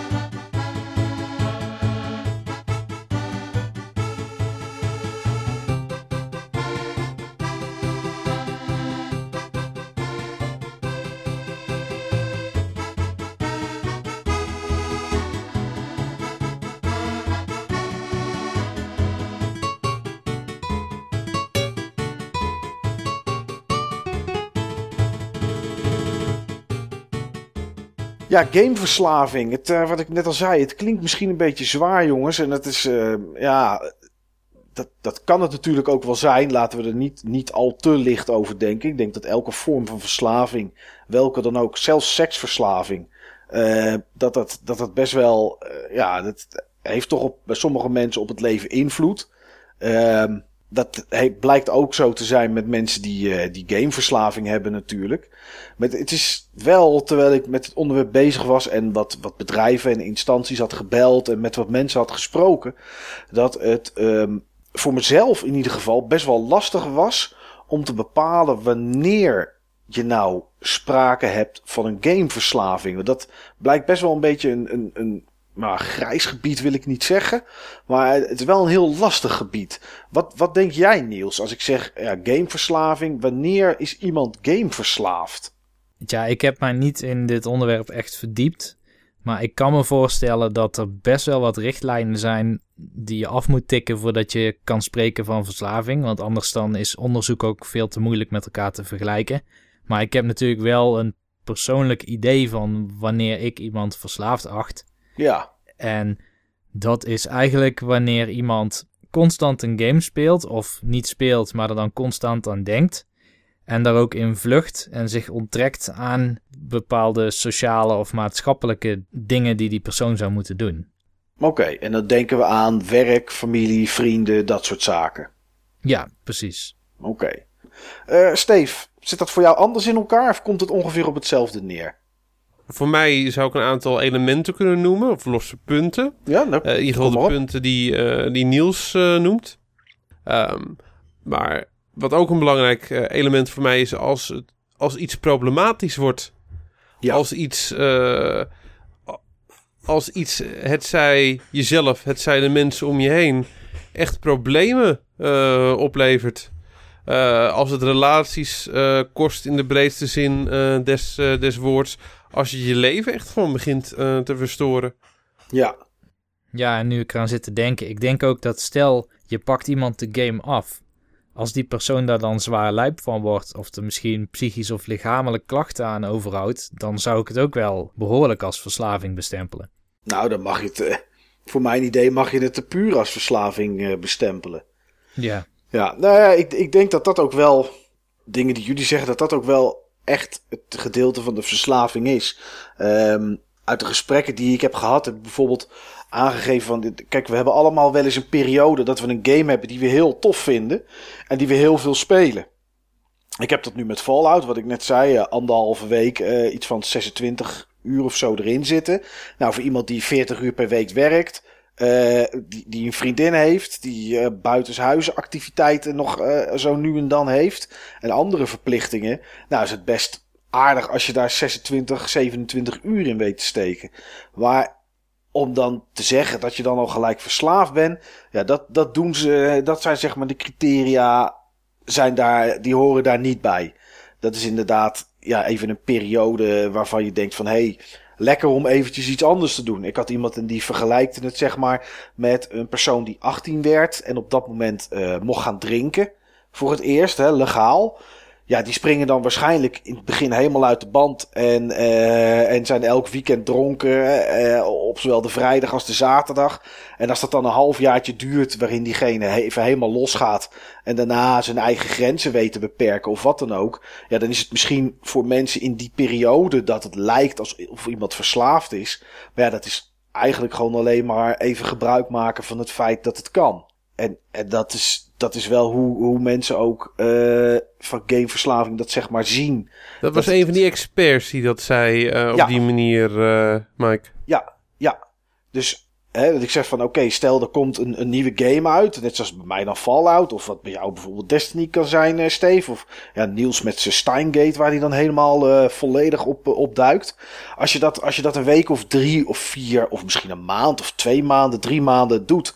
En daarna zakt het weg ja, dan ben je niet echt gameverslaafd dus. Dan heb je gewoon een, een game gehad waar je heel erg veel plezier aan hebt beleefd. En zelfs als je daar een keertje een dagje ziek voor zou melden, dan alsnog zien, zien de experts dat niet direct als verslaafd. Ja, Hoeveel verschillende experts heb je eigenlijk gesproken, Mike? Ik heb er drie gesproken. Oké. Ik heb, drie, eh, ik heb er drie gesproken. Kun je daar gewoon wat over vertellen? Nou, ik wat, ben er inmiddels nu toch wel erg benieuwd naar. Nou, wat de, de, vragen die ik onder andere aan die mensen heb gesteld, en dat is de, de meest moeilijke vraag van alles, is eh, hoeveel mensen zijn er nou eigenlijk gameverslaafd? Ehm het grote probleem. Er zijn wel wat, wat, wat cijfers over. De Jellinek Kliniek bijvoorbeeld spreekt over twee van de honderd mensen zijn game- of internetverslaafd. Maar die trekken daar dan veel al internetverslaafd bij. Ehm, die, zien dat als één, als één geheel. Um, um, Trimbos heeft het uh, erover, en dat waren, zijn er wel cijfers uit 2001 die zeg maar echt officieel gepubliceerd zijn, was dat anderhalf procent van de jongeren van 13 tot 16 jaar geïdentificeerd kunnen worden als gameverslaafd. Dat waren er in 2011, waren dat zeg maar 12.000 jongeren. Maar dat zijn allemaal schattingen. Want het grote probleem is namelijk, en dat werd me ook verteld, is dat uh, gameverslaving is volgens, volgens alle experts is wel een beetje hetzelfde als verslaafd aan drugs, drank, seks, eetverslaving of wat dan ook. Dus op het moment dat je nachtrust, je school of je werk, vrienden, dat soort dingen eronder uh, uh, lijden, dan zou je het als verslaving kunnen zien, behalve als het dan niet tijdelijk is. Alleen het is heel moeilijk om te bepalen, want er is ja, behoorlijk wat onbegrip voor. En het wordt eigenlijk niet zoveel gerapporteerd. En dat komt vanuit het feit werd mij verteld dat het voor uh, games namelijk lastig is om te bepalen of het schadelijk is. Kijk, zoiets als drank of drugs. Ja, we weten allemaal dat als je dat te veel doet, ja, dan, dan, dan weet je gewoon dat is niet goed voor je. Uh, roken is ook niet goed voor je. dat zijn dingen die zichtbaar en aantoonbaar kunnen zijn van uh, iemand die veel, veel te veel drugs gebruikt of wat dan ook, gaat er nou, waarschijnlijk niet alleen lichamelijk op achteruit, maar ook financieel, uh, geestelijk. die gaat op al die vlakken gaat die achteruit. Met gameverslaving is het, is het meer dat iemand, um, ja, die, hè, zijn werk misschien, of zijn vrienden, een sociaal gedeelte, wat dan misschien daarop, daarop achteruit gaat. Maar ja, financi ja, financieel gezien Kijk, als je gewoon uh, je ziek meldt een week, ja, dan misschien tegenwoordig wel, maar is de kans minder groot dat je er financieel echt een probleem van krijgt. Ja, je relatie zou natuurlijk kunnen, maar um, dus ja, het is veel lastiger om dat um, om te bepalen wat gameverslaving precies op is, omdat heel weinig mensen zich daarin melden. Dus ja, dat voel wel apart, zeg maar, om, uh, omdat je zou zeggen, het is er al heel lang zou je kunnen zeggen. Niet zo lang als drank en drugs, want dat is natuurlijk al uh, zo lang als, we, als de geschiedenisboeken zijn.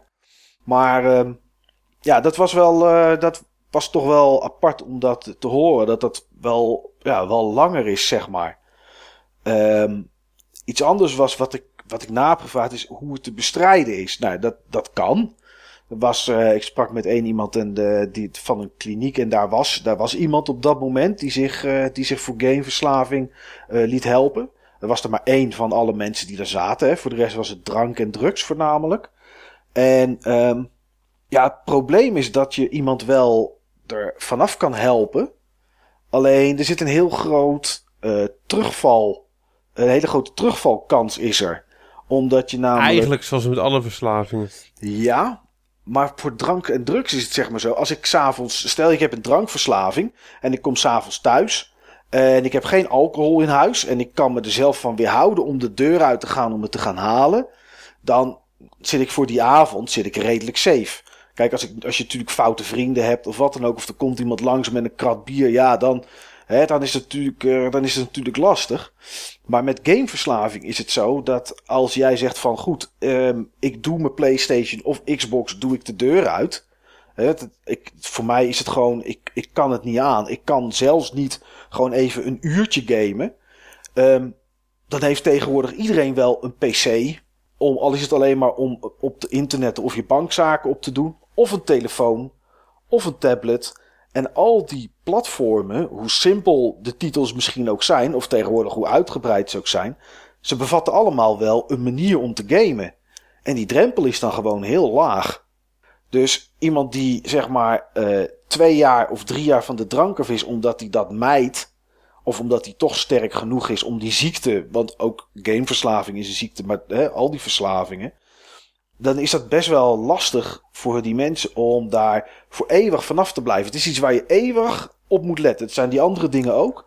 Alleen dit is zo binnen handbereik. Dat hebben we misschien zelf niet, niet, niet door. Maar ja, wij zitten dit nu allemaal achter een pc op te nemen. Maar ja, mijn telefoon ligt hier ook. Ik kan, ik, ik kan continu kan ik, eh, kan ik zitten hardstonen of, uh, of, of een spelletje op Facebook doen. Fallout Shelter. Fallout Shelter. Maar mensen die verslaafd raken aan, uh, aan games. Ja. Het, het zijn toch vaak um, een bepaald type games. Het zijn toch een World of Warcraft. Het zijn toch een Call of Duty. Ik neem toch aan dat iemand die, uh, die verslaafd is geweest aan World of Warcraft niet zijn fix in gaan vullen met Candy Crush. Nou, dat heb ik, dat heb ik ook nagevraagd. En helaas, wat ik net zei, zijn er nog niet zo heel veel mensen die zich, die zich melden. Dus het is, het is, er zijn nog niet altijd heel veel gegevens over. Maar niet elke gameverslaafde is iemand die games speelt met een online component. En dat zou je eigenlijk wel denken. En er zit, er zit nog iets, daar zit nog iets anders aan. Daar, komen we zo nog wel even op. Maar um, het heeft dus ook te maken met gewoon het wegduiken in een, in een game. En of dat, nou, um, of dat nou online is, omdat die games vaak langer doorgaan natuurlijk. En er zit dus ook een sociaal onderdeel in. Hè. Er zit natuurlijk veel meer aan. Maar het hoeft dus niet per se te zijn dat dat, um, dat, dat games zijn waarbij je online moet spelen. Dus het, het kan ook gewoon met offline games. En ja, hoeveel mensen dat zijn, weet ik niet. Dat is, uh, daar waren helaas. Uh, ik heb niet ergens cijfers kunnen krijgen van. Uh, zijn de hoeveel mensen zijn er verslaafd dan aan World of Warcraft van al die mensen die verslaafd zijn. Maar het kan elke vorm van gamen kan het zijn. Dus ja, dat is wel apart. Ja, en heb je toevallig iets van inzicht gekregen over wat voor soort behandeling je kan krijgen voor gameverslaving? Nee, ik heb niet. Ik heb geen van allen konden mij zeg maar de, hun behandelmethode uh, vertellen of wilden ze dat, uh, wilden ze dat prijsgeven. Okay. dat snap ik natuurlijk ook wel een beetje. Um, ik wilde daar ook niet te veel op doorgaan met vragen. Want ik denk, ja, ik moet wel. Hè, ik wil wel informatie blijven krijgen. En niet dat ik ineens, dat ik ineens afgekapt word. Maar het is. Ja, wat de behandelmethodes precies daarin zijn, durf ik, durf ik niet te zeggen. Ja, hoe ze ik dat wel dus hoor. Ik wel. En dat is? Uh, praatsessies. Ja. Zowel in groepsbasis als op individuele basis. En, uh, en psychologische zorg om, om te kijken naar eventuele onderliggende problemen en daarmee in de slag uh, te gaan. Ja, oké. Okay, nou, en dit geldt klopt. in principe op hoofdlijnen voor elke verslaving. En ik kan me niet voorstellen dat dat bij, uh, bij gameverslaving anders uh, zal zijn. Nee, dat, hebben ze, dat heeft er eentje wel. Die zijn inderdaad, ja, de standaard dingen inderdaad. Die deden dan nog wel iets, iets extra's voor mensen met gamen. Daar zat je bijvoorbeeld, iemand zat daar uh, acht weken lang in een, in een kliniek. Maar inderdaad, dat, dat, zijn, dat zijn wel de dingen die ze, die ze natuurlijk inderdaad... Want dat, dat vertelden ze ook, hè. Het maakt eigenlijk niet zo heel veel uit waar je verslaafd aan bent. Het is, het is allemaal... Uh, grotendeels van al die verslaving is natuurlijk wegduiken voor de realiteit dat is waar het bij heel veel mensen, bij heel veel mensen op neerkomt. En, Heb je dan ook het idee dat die verslaving ook vervangen zou kunnen worden door een hele andere? Ik noem maar wat, mensen die heel veel boeken lezen, die kunnen ook verslaafd zijn misschien aan boeken lezen. Alleen dat is dan niet zo'n maatschappelijk probleem, tenminste niet zo erkend. Nee, nou ja, dat weet ik niet. Dat was wel, uh, volgens mij zei iemand op het Buttonbashers forum dat, um, die zei van ja, iemand die elke avond tv zit te kijken, is die dan gelijk ook tv verslaafd? Ja. Nou ja, goed. Um, dat denk ik, wat ik eruit opmaakte, niet. Want dat is hetzelfde wat ik, wat ik in het begin zei. Als jij uh, drie maanden lang een game enorm speelt en niet iets anders doet en daar misschien hier en daar iets sociaals voor afzegt. Dat je denkt van, oh ja, ik zou uh, vanavond zouden we met maten in de stad wat, moet, wat zouden gaan drinken. Ah, ik heb er niet echt zin in. En dan kan ik vanavond kan ik lekker Titanfall de hele avond spelen. Of Far Cry 4, want daar heb ik zin in. Ja, dan ben je nog niet echt verslaafd. Het is alleen wel dat in uh, sociale kringen, zeg maar, dat natuurlijk wel heel snel bestempeld wordt als dat je verslaafd bent. Het is natuurlijk een makkelijke term om mee te smijten. En ook met een medium waar niet iedereen bij hoort. Nee, en, of wat nog niet zo lang meegaat. Nee, en waar ook niet iedereen verstand van heeft. Um, ik zeg niet dat ik verstand heb van drank, omdat ik, ik, ik drink nooit een druppel alcohol. Maar wil niet zeggen dat ik nooit in een kroeg ben geweest. Of dat ik nooit uh, vrienden dronken heb zien worden. Of wat dan ook. Je weet wat het is. En je weet wat het inhoudt. Um, voor heel veel mensen die weten wel in, in het gros wat gamen is. Die zien iemand met een, met een stuk plastic met een paar knoppen in zijn handen op de bank zitten. En uh, die is dan mensen aan het kapot schieten of een beetje aan het lopen en aan het springen. Maar um, vraag aan al die mensen maar eens wat bijvoorbeeld echt World of Warcraft, wat het inhoudt. Of, uh, of Call of Duty, ja, dan weten ze misschien dat het schieten is. Maar wat het nou precies is wat die mensen drijft om dat online te blijven doen. Om hogere ranks te halen, prestige mode of, of dat soort dingen. Heel veel mensen weten dat gewoon niet. En ik denk dat het daarom ook heel makkelijk weggelachen wordt. Uh, gamen, denk ik, staat nog voor heel veel mensen een beetje gelijk aan iets neurderigs. Ja, volgens mij uh, was het Extra Credits, wat hier een hele mooie uitspraak over deed. Die zei namelijk dat, uh, stel, gaming bestond al honderden jaren, maar het was juist boekdrukkunst die recent uitgevonden was. Dat recent uitgevonden was dan zouden mensen in plaats van actief bezig zijn en elkaar sociaal opzoeken om, om met elkaar problemen op te lossen, zouden ze in één keer in hun eentje geïsoleerd de hele dag in een boek naar letters zitten staren en passief lopen doen. Dat zou toch eigenlijk erger zijn? Nou ja, ik denk dat daar wel iets in zit. Het is, het is inderdaad nog relatief nieuw. Laten we zeggen, natuurlijk, eh, eh, gamen kon al eh, ergens in de jaren zeventig, maar dat was gewoon nog niet voor het gros. Zeker niet voor thuis. Ja. Uh, Hè, dus laten we de NES een beetje, misschien de Atari 2600, maar daar begon het zeg maar. Ja, dat is nog niet zo heel lang. En, en, en, en in die tijd ja, was misschien de verslavingsfactor wat minder groot, omdat het allemaal voor, voor het gros van de mensen wat, wat ongrijpbaarder was of wat minder dicht, dicht bij huis of iets, he, iets moeilijker te verkrijgen. Maar het gaat niet om het gros van de mensen, uh, Mike. Het gaat hier juist om de enkeling. Klopt, maar als, de, als het gros het niet doet, dan heb je ook die enkelingen denk ik niet die er verslaafd aan zijn. Ja, dat weet ik niet. In die tijd, uh, ten eerste waren het gewoon hele simpele en verslavende games. Uh, en ja, het was toch ook, uh, je moest er toch juist ook meer moeite mee voor, voor doen om, om die games te gaan, gaan spelen. Op het moment van dat om, om een dag Pac-Man te spelen, moest je misschien ook wel gewoon gaan spijbelen en daar al je zakgeld in, in gooien. Ja, dat klopt wel. Maar denk je ook niet, Steven, dat is net zo, eh, misschien een rare vergelijking, maar net zoals met, met voetbalhooligans, dat als er honderd mensen langs het veld staan, dan is de kans, uh, denk ik, heel erg klein dat er iets gesloopt wordt. Maar zet 60.000 mensen in het stadion, dan heb je er altijd een paar gekken tussen. En zou dat nou ook niet hier zo bij zijn? Dat des te, des te meer mensen het gaan doen, des te meer excessie je krijgt? Ik denk wel dat Deels, daar ga ik deels in mee. Ik denk wel dat de mensen die hier gevoelig voor zijn, hier altijd gevoelig in zijn. En of je nou zeg maar honderdduizend mensen hebt die, uh, die een game gaan spelen of duizend. Ik denk van dat de mensen die hier gevoelig voor zijn, een grotere kans hebben om tussen die duizend te zitten. Hmm, ja, ja zit, zit, als ik erover nadenk, zit er ook wel wat in. Dat is misschien ook wel wat een van die deskundigen zei, wat ik, wat ik net aangaf, is dat het natuurlijk...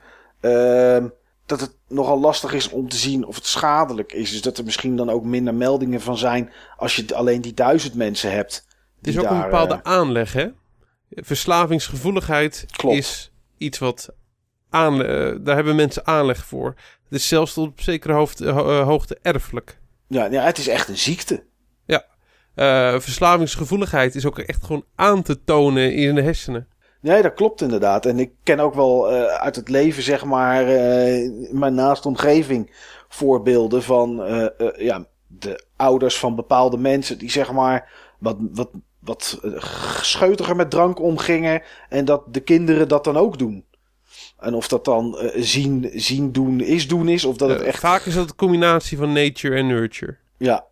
Dus ja, misschien, misschien dat over, over 30 of 40 jaar als als onze kinderen, om ze maar even zo te noemen, uh, ja, als die opgegroeid zijn, dat er dan veel meer gameverslaving, uh, gameverslavingen zijn. Ongetwijfeld, want dat komt natuurlijk steeds meer op. En uh, ja, goed. Misschien wordt het wel als strikter ervaren, de richtlijnen waaraan verslaving wordt benoemd. Bijvoorbeeld, vroeger had je niet voor niets de Pac-Man Fever. Het leek alsof iedereen die Pac-Man speelde bijna verslaafd was toen. Ja, Maar toen was er ook nog geen duidelijke richtlijn voor wanneer je nou wel of niet verslaafd bent. plus het was natuurlijk voor heel veel mensen nieuw. En ja, Ja, dan gaan en mensen dat- het natuurlijk sowieso proberen. Dat zijn rages. Ja. En ehm, een van de kenmerken van een rage is dat het eindig is. Maar als je midden in zo'n rage zit, dan, dan zie je dat vaak wat minder goed. Nee, nee is ook zo. Dat, dan, dan, ja, god, we kennen allemaal uit onze jeugd denk ik wel rages. De, de Lolo-bal of dan was de Skippy-bal weer in of knikkers. Flippo's. Ja, flippo's. Eh, iedereen moest het hebben en iedereen deed eraan mee. En ja, drie maanden later was het weer weg inderdaad voor veel, eh, voor veel mensen. Dus ja, het, eh, ja, hoe dat in de toekomst eh, uit gaat wijzen, dat, ik, ben, ja, ik ben wel benieuwd. Maar als je zelf kijkt hè, naar, naar, naar hoe, hoe, hoe je tegen verslaving aankijkt. jij zei net al Steve, games zoals World of Warcraft en dat soort dingen. Ehm zijn dat echt voor jou de games die vallen onder, onder games die verslavend kunnen werken? Ja, en dat is voor mij toch ook een reden waarom ik me altijd van dat soort games afzijdig gehouden heb. En nu ik zeg maar zo fanatiek Destiny speel, ben ik daar ook uitermate blij eh, om. Ja, Want als ik, als ik zie van hoeveel, eh, hoeveel impact die game heeft op mijn vrije tijdsbesteding. Ehm, als het meer zou worden dan dit, substantieel meer zou worden dan dit, dan, ehm, ja, dat, dan zou het voor mij, voor mijn gevoelsbeleving, zou het wel echt die kant op gaan. ja, Maar ehm, ja, ik denk wel dat met name die, die online games, die hebben gewoon een aantal elementen die gewoon echt heel erg, ehm, heel erg eh, sterk zijn, eh, eh, die heel erg duidelijk inhaken op, op dingen die verslavingsgevoelens omhoog kunnen halen. Ze hebben een sociaal element. ja, Eh, iets wat een sociaal element eh, eh, met zich meebrengt, biedt ook de mogelijkheid tot sociale druk. Je wil op het moment dat je ergens in een groep zit, wil je er ook bij horen. Wil je ook gewoon mee kunnen doen. Ehm, wil je zeg maar die betere gear hebben? Wil je zeg maar om vier uur s'nachts nachts je bed uit om mee te kunnen doen met, met die raid samen met 80 andere mensen? Ja, daar heb ik toch wel verhalen over gehoord. Van dat het echt gewoon invloed had op, eh, op, op mensen hun leven. Ehm, je zei net, Mike, het is allemaal eh, slecht aan te tonen. Van dat het eh, nadelig is. Een van de dingen waarvan ik wel weet van dat het goed aan te tonen is, is slaaptekort. En het effect van, slaap, het effect van slaaptekort op, op gezondheid en op de samenleving is zwaar, over, zwaar onderschat. Ja, dat denk ik ook wel. Dat is zeer onderschat. Slaaptekort is gewoon slecht. maar eh, als het nou iets is, Steve, wat voor een maand of twee, drie is, dan is Ja, het nog dat- steeds slecht. Maar is het dan in Ik jouw denk, dat het ogen dan niet, gelijk een ik, verslaving denk, ik denk dat het dan geen verslaving is. Nee. Behalve, dat, dat werd mij door een van die, van die experts verteld. Behalve als het twee maanden later met een nieuwe game weer gebeurt. Ja. Dat er zeg maar een soort Ja. patroon elke Ja. keer is. Dat je van de, eh, van de cocaïne, de heroïne, de meth in, eh in rolt. En, Ja. ja. Maar eh, joh, om, om gewoon een voorbeeld aan, aan te halen, wat, wat gewoon ook voor, voor mij ook voorbij moest komen. Ehm, als we deze podcast anderhalf jaar geleden op hadden genomen, had ik gezegd: Ik ben nog nooit verslaafd geweest aan een game. Nee. Eh, ik, eh, ondanks hoe zeer ik ook gewoon in game eh, geraakt ben en hoe, eh, hoezeer het, ik er ook in meegezogen werd en hoeveel het ik ook achter elkaar speelde, ik had nooit die woorden gebruikt. Een game als, als Oblivion heb ik extreem veel gespeeld in een korte periode, maar toen was het klaar. Knights of the Old Republic, idem dito. De Zelda's, idem dito. Op een gegeven moment is het gewoon klaar. Ehm, maar met Destiny eh, zit ik er gewoon echt veel meer achter. Eh, in sommige periodes ook gewoon best wel intensief. Eh, ook op een manier van dat het ook wel eens echt invloed heeft op mijn, op mijn staat. Dat ik er ook nog tot laat achter zit. Van dat je het inderdaad echt wel de, de dag daarna voelt. En heb ik ook periodes dat het gewoon echt best wel intensief is. Bijvoorbeeld zeg maar na de lancering van zo'n expansion. Ja. Maar ook dat heeft gewoon een eindig karakter. Eh, die, die, dat, dat zijn pieken. Ja. En eh, over, over een langere periode genomen eh, speel ik dat ook niet op die manier. Ik ben op dit moment ook weer in de fase dat ik gewoon heel erg selectief ben in de dingen die ik, eh, die ik speel. Eh, Nee, dat is wel belangrijk ook, hè? Dat je het volgens mij, dat je het gewoon, nou weet ik wel zeker, dat je het ook gewoon als het moet weg kan leggen. ja. En volgens mij kan je dat wel. Ja, ja, ik, eh, ik heb eh, deze week ik heb nog steeds aardig wat, wat gespeeld, maar naar mijn gevoel zeker niet, niet bovenmatig. En ik, ik, ik, heb gewoon heel, veel- ik heb gewoon heel veel dingen in mijn leven. Ik heb echt gewoon heel veel dingen in mijn leven. Ehm, ik, ehm, ik sport fanatiek. Ehm 10 tot 15 uur per week. Dat is best wel veel trouwens. Dat is wel waar trouwens, 10 tot 15 uur per week. Oh, Steve, je bent verslaafd aan sport. Ik ben wel verslaafd. Dat is wel, dat is wel waar. Dat, als ik zeg maar een verslaving bij mezelf zou benoemen, Ja, was het dat. toch heb je het anders gedaan. Ja, ja weet ik. Weet ik. Maar je toen hebt jezelf wat- toch wel eh, bes- bestempeld op het forum als zwaar verslaafd aan Destiny. Ja, maar dat is inderdaad gewoon... Dat is inderdaad die... Die tijdelijke piek. Dat is inderdaad zo'n tijdelijke piek. En dat is inderdaad gewoon van de, de, so, de sociale manier van benoemen. eh, En Ja, er nog eventjes goed over nadenken.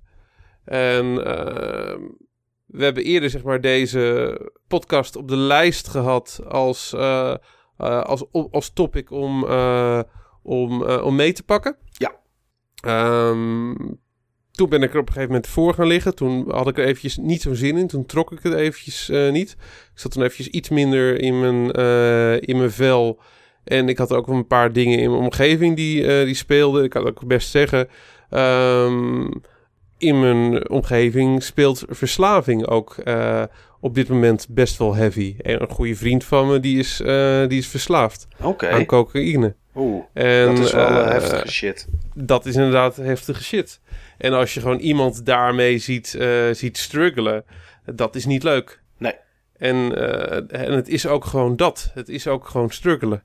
Ja, En ehm, dat, is, eh, dat is gewoon een continue strijd. En dat is een continue strijd die je ook vaak verliest. ja. En ehm, Gaat dat nu weer iets beter? nee, eigenlijk niet. Oké, oké. En dat is wel iemand die ervoor behandeld eh, wordt. Dat is wel iemand die, eh, die, ehm, die uiteindelijk hulp voor heeft gezocht. Maar ondanks die hulp, ja, dat is gewoon zo'n eh, zo'n blijvende strijd. Ook wat gekoppeld is geraakt aan dingen. Dat gekoppeld is geraakt aan alcoholgebruik. En dat, dat op het moment dat hij zich, zich gewoon sterk voelt. Op het moment dat je gaat drinken. En drinken is iets wat drank is de sociaal meest geaccepteerde druk die er is. Ja. Ehm, Mensen vinden dat gezellig. op het moment van dat je, dat je rookt en dat je stopt met roken, je wordt binnengehaald als een held. Mhm. Op het moment van dat je zeg maar eh, in gezelschap bent en je zegt dat je gestopt bent met drinken, dan ben je ongezellig. Ja, Eh, ik moet En- onwijs lachen, Steve. Ik wil, die, ik wil je verhaal niet onderbreken, maar het, ik heb nog nooit echt een druppel alcohol gedronken. En altijd als mensen zeggen van, hé, hey, wat wil je drinken? Zeg, ah, doe maar colaatje. Geen biertje of zo. Nee, nee, nee, drink geen alcohol. Inderdaad, mensen zeggen altijd dat je dan ongezellig bent. Ja. Wat is dat voor raar iets, joh? Ja, maar dat is echt, dat is gewoon een, dat is iets wat in deze maatschappij is eh, geslopen en wat, is, en wat gekoppeld is geraakt. En dingen die gekoppeld zijn geraakt, zie dat maar eens te ontkoppelen. En dingen die sociaal gekoppeld zijn eh, geraakt, maatschappij breed, nou dat kan niet ontkoppeld worden. Ja, Dat, eh, ja, of ietsjes moet hier aan eh, de macht komen, dan is het snel over met alcoholgebruik.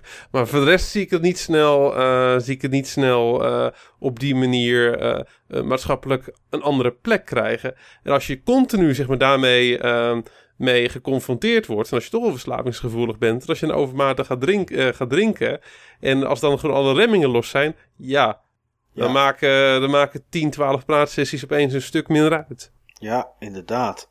Heeft het, Steve, in- nu je toch, eh, wel echt heel stoer dat je zo openhartig erover praat, eh, moet ik zeggen. Ja, het is Eh, niet mijn verhaal. Het is niet nee, mijn verhaal. klopt, dus- maar het zit wel in je leven natuurlijk. Ja. Maar heeft dat, wat je, wat je dan ziet dat het met zo'n kameraad van jou doet, heeft dat dan voor jou invloed gehad op de manier hoe jij dan zeg maar, eh, om het even voorbeeld Destiny te nemen, hoe je daar tegenaan keek met hoe je dat dan speelde? Heeft het... Ja, ja.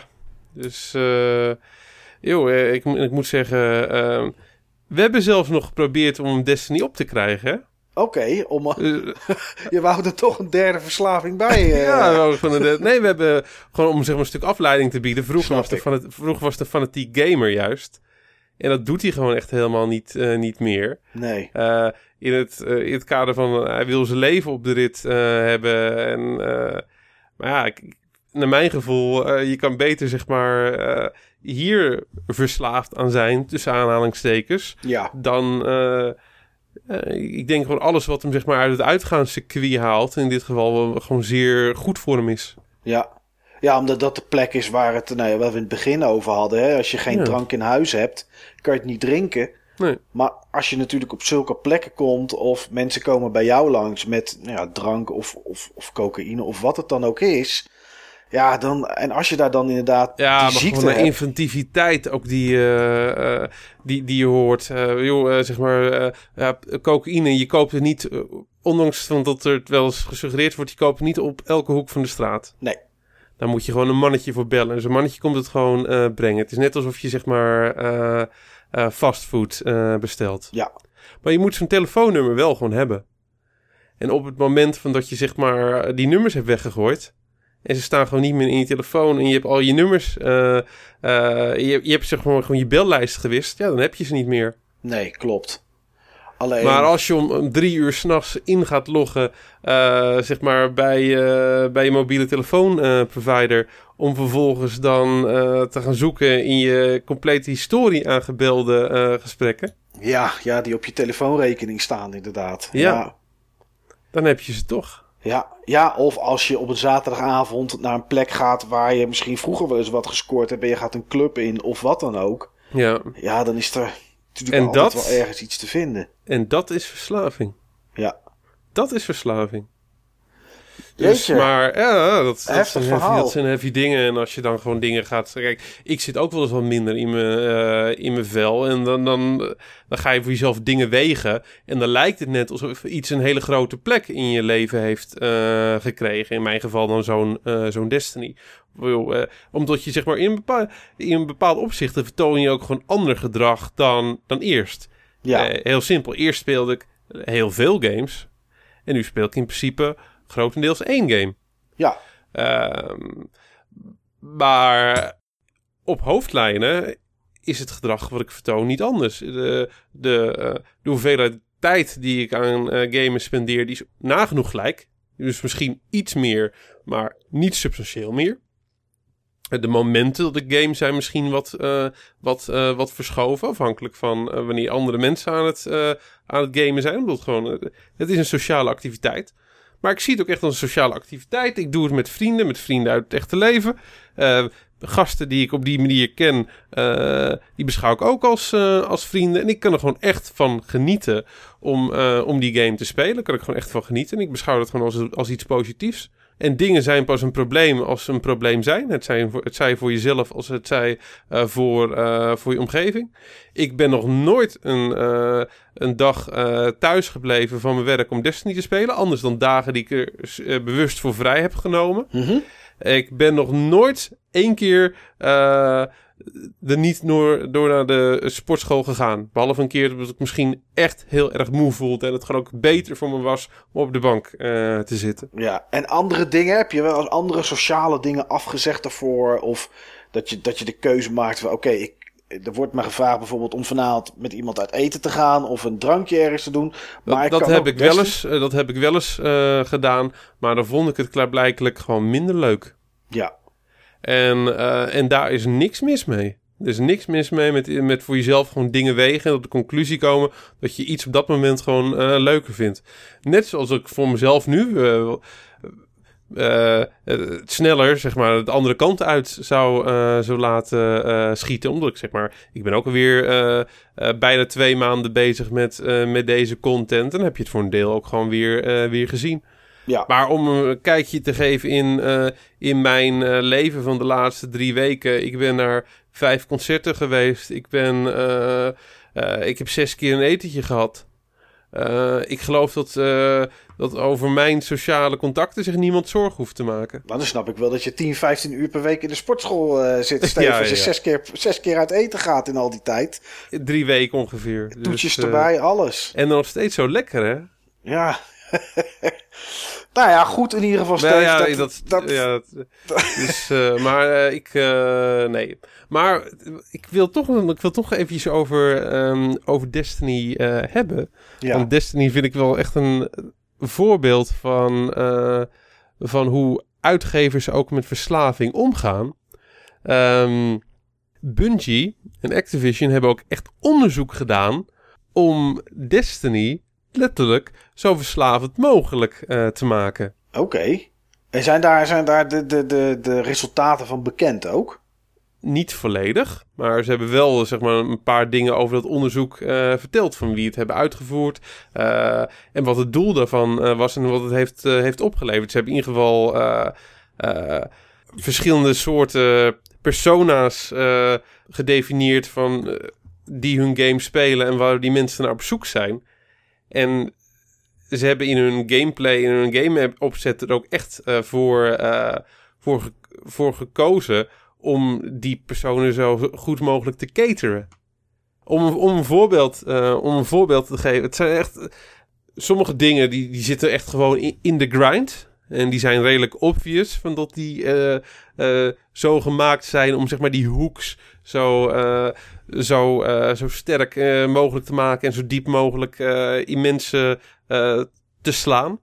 Maar een voorbeeld van wat zeg maar een van de lead designers heeft gezegd. Die ook verantwoordelijk was voor, voor een aantal raids. Ehm, in de eerste raid van Destiny zitten grote gevechten, intensieve gevechten. En eigenlijk na elk echt intensief gevecht of serie intensieve gevechten zit een, een soort van transitie. Dat je zeg maar met z'n allen een aantal jumps moet, eh, moet maken. Of moet, je moet met z'n allen een aantal eh, eh, tunnels door. en een soort met van descent maken naar beneden toe. Een soort met van afdaling. En dat zijn gewoon rustigere stukken. En die zitten er bewust in om mensen de kans te geven om, om eventjes rust te pakken. En met name ook met elkaar te kunnen, ja, kunnen praten over van alles en nog wat. Koetjes en kalfjes. Ja. Want dat versterkt de band die mensen opbouwen. En dat zorgt ervoor dat je me- meer gaat spelen. Oké. Letterlijk gezegd. Ja, je zou, eigenlijk, je zou eigenlijk denken dat je na iets groots een soort van beloning of zo geeft. Ja, ja, maar die krijg je- krijg je, die krijg natuurlijk ook wel aan het krijg einde- je ook in de vorm van, eh, van loot. Van, van loot. En in het, in het, eh, in het geval van de eerste raid eh, krijg je dus loot naar de, de eerste serie grote gevechten. Ga je dan zeg maar eh, met z'n allen die, eh, die, eh, die afdaling in. En vervolgens sta je een minuut of vijf, zes later bij het zogenaamde eerste exotic kistje. Waar dan ook een exotic, dus hele goede loot in kan, kan zitten. En die trek je dan ook met z'n allen open. Er is gewoon zo goed over nagedacht om zeg maar zowel die, die reis daar naartoe als dat moment om dat kistje open te, trek- te trekken gewoon een sociale ervaring eh, eh, te maken. Gewoon het groepsgevoel, zeg om maar. dat groepsgevoel gewoon echt aan, eh, aan te spreken. Dat is, dat is zowel heel erg knap, dat is gewoon goed ontwerp, Ja, als gewoon heel erg eng.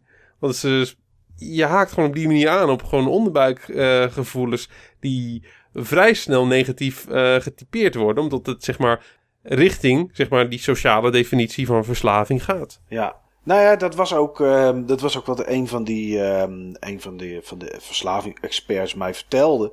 Was ook dat vooral bij online games eh, het sociale natuurlijk, ehm, ja, dat is de hè, sociale druk. Voor heel veel mensen die gameverslaafd zijn, is de sociale druk heel hoog. Eh, meedoen met een groep, nou wat jij nu net zei, eh Steve. Maar bijvoorbeeld ook in uitzending 54, de vorige Button Bashers podcast. Toen had je het er nog over van, eh, ja, met zo'n raid bijvoorbeeld van Destiny. Dat je eigenlijk vanaf dag 1 gelijk mee wil kunnen doen. Want als je twee of drie weken later komt, Ja. dat je een soort zesde wiel aan, het wagen, aan de wagen, zeg maar, bent. En ehm, wa- wat voor mensen die dan ook verslaafd zijn of heel erg verslavingsgevoelig zijn. Eh, wat dan ook he- hele simpele triggers kunnen zijn, zijn gewoon berichtjes van eh, mensen die ze online zijn tegengekomen of waar ze online mee spelen. Van hey, ik heb je al een tijdje niet gezien of hey, waar ben je? En vanavond gaan we spelen. Dat zijn hele simpele triggers die voor eh, mensen die daar ja, verslaafd aan zijn of die daar gevoelig voor zijn in ieder geval een hele eh, sociale druk hebben, zeg maar. Dat, dat, dat- ja, die hebben dan het gevoel dat ze echt moeten.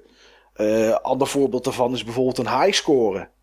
Mensen die, die, die op dit moment eh, nummer 1 in de wereld zijn op eh, bepaalde flipperkast van Zen Pinball. Of ehm, die heel erg goed zijn in, in, in Tetris met een high score. Of misschien die van hun bekende of vriendengroep eh driemaal prestige hebben gehaald in Black Ops 3. Ja, op het moment dat iemand anders daar overheen gaat en hun hebben daar zo lang voor gewerkt. ehm, ja, dan is die druk voor die mensen ook heel groot. Om, om, om dat weer te gaan verbeteren, zeg maar. Dus dat, is wel, eh, dat, dat zijn wel triggers voor, voor die mensen. Ja, en dat is dit met Destiny dan natuurlijk ook, eh Steve.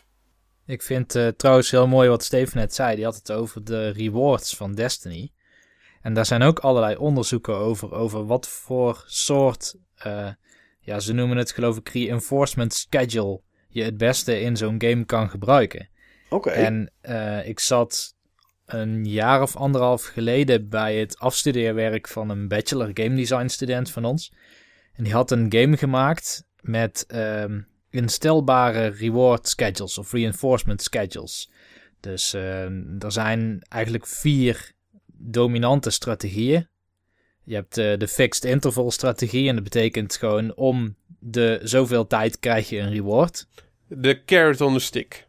De carrot on a stick. Eh, ja, eigenlijk zijn ze allemaal carrots on a stick, maar in, op verschillende manieren geïmplementeerd. Dus je hebt ook var- variable interval. Dat wil zeggen dat je niet weet eh, wanneer je de volgende reward krijgt, maar is wel tijdgebonden. Je hebt eh, fixed ratio en dat is... ehm, eh, dat zou bijvoorbeeld zijn van elke keer als je eh 1000 XP hebt, krijg je een nieuw wapen. En je hebt variable ratio. En vari- variable ratio, dan weet je eigenlijk niet op welke, wat je performance precies moet zijn om iets nieuws te krijgen. Een soort gewogen eh, tijdsinvestering en, eh, eh, prestatie, zeg maar, wordt dan meegenomen aan wat voor reward je krijgt. En dan blijkt dat dat variable ratio, dus dat je eigenlijk het niet precies weet, ehm, en dat je ook niet weet hoe groot de reward is, daar reageren mensen het snelst op. En ze reageren het minst snel op fixed interval. En dat is eh, dat je om de zoveel tijd automatische reward krijgt. Dat schijnt echt de zwakste manier van, eh, van eh, reinforcement te zijn. Ja, dat snap ik ergens wel. Want stel nou dat die... Het is ook de spanning van een casino, hè? Nou ja, Ja, precies. precies. Inderdaad. De, ik wou het inderdaad vergelijken met een gokkast die ergens in een snackbar stond. Tegenwoordig mag het natuurlijk niet meer. Maar ehm, ja, dan wist je natuurlijk ook niet wat de winkans was. En als je scoorde, wist je ook niet hoeveel je scoorde. En, ehm, en om de hoeveel tijd. Kijk, ik kan me voorstellen als je weet dat, één, dat als je nu een, een, een tegenstander omlegt. En je krijgt een mooi item. En je weet, ik moet er nu nog 24 afslachten voor de volgende. Ja, dan, is dat, dan doe je dat misschien één keer en daarna denk je, moet ik er weer 24 afslachten? Ja, Ja. Dat, dat gaat heel snel tegenstaan. Maar als je natuurlijk niet weet of dat misschien over twee keer al is of over zes keer. Ja, dan is het nog eentje, nog eentje principe. Is dan, ja, dat is natuurlijk wel behoorlijk groot op die manier. Ja, ja. Je ziet dat eh, games als Diablo ook met zo'n schema werken. Ja, Maar die geven zoveel loot, zeg maar. Daar is het vooral de vraag wanneer krijg je de volgende Super Legendary ja, En met name de Super Legendary die je wil. Die je wil. Ja, ja. Ja, als er natuurlijk genoeg vallen en er is er eentje waarnaar je op zoek bent of die niet voor jouw klas geschikt is. Ja, dan blijf je natuurlijk doorgaan, want ze blijven zo lekker vallen. Ja, er moet wel een keer één tussen zitten die beter is dan die jij in handen hebt natuurlijk. ja, En als, eh, als het niet valt, ja, dan is het nog maar heel kort van dat het wel gaat vallen. Ja, dat is Dat het zou gevoel. denken mensen dan. Ja, dat is het gevoel wat je hebt. nou, Dus- nu moet hij wel vallen. Ja, nou ja, dat is ook zo. En ik kan me nog herinneren, Steven, toen jij Diablo eh, best wel stevig speelde. Dat Ja. als die dan viel om twee uur s'nachts, was een keertje gebeurd. Dat je toch nog even een half uurtje extra opbleef om hem ook nog eventjes te testen. Ja, Ja, En dat heb ik ook bij Destiny hoor. Als ik zeg maar een nieuw stuk loot eh, heb, dan moet ik mezelf eerst eh, tussen, vanuit alle hoeken en standen bekijken om te zien hoe het staat. in in verschillende soorten licht in de tower. Ja, met een, met een trillerdansje erbij. Ja, ja, ja. Ja. Wat wou je zeggen net, Niels? Je kan je ook heel erg verraden voelen door een reward schedule wat niet klopt volgens je gevoel. Dat is bijvoorbeeld de reden dat uh, Nesrunner ooit gestopt is met Monster Hunter. Oké. Die zocht een gem en uh, er was 1% kans dat je die kon carven als je 40 minuten gevecht had overleefd met een monster. En dan moest je ook nog eens bepaalde dingen doen als de staart eraf hakken en zo, wat best wel moeilijk is en uh, heel erg van teamwork afhankelijk of dat het lukt. En uh, voor zijn gevoel, of volgens mij was het 2%, voor zijn gevoel had hij dus 50 keer uh, dat monster verslagen. Ja. Misschien was dat ook wel volgens de stats, maar hij had de gem nog niet. En toen voelde, zich, voelde hij zich gewoon verraden door het spel. Ja, maar ja, dan is, daar is één hele mooie uitleg voor. RNGesus was niet met hem. Nee, nee, maar het is, kan wel zijn dat je zegt van ik heb hem 50 keer verslagen. Er is een kans, een kans van 2% dat hij dropt. Maar ja, dat, dat, is nou het mooie van kansen. Ja, maar dat is... Dat is hoe het werkt met kansen. Het is niet zo dat 50 keer verslaan maal 2% 100% is dat je er moet hebben. Nee, het, het stekt niet op die manier inderdaad. Nee, nee, nee het nee. is niet als je hem 10 keer verslagen hebt dat de dropkans dan 20% is. Dat zou wel zo zijn als de game uh, inderdaad het op zou tellen en uh, die 2% zou vermeerderen voor jou als persoon alleen. Maar vaak is het zo met dat soort games dat die 2% niet alleen voor jou geldt, maar die geldt voor heel de gamewereld. Dus op het moment ja. dat daar honderdduizend mensen aan het spelen zijn en allemaal tegelijkertijd hakken ze dat beest kapot, uh, dan heeft iedereen per, per persoon 2% kans. Ja, de eerstvolgende keer, dat, dan wil ik nog niet eens zeggen dat, dat die jam komt natuurlijk.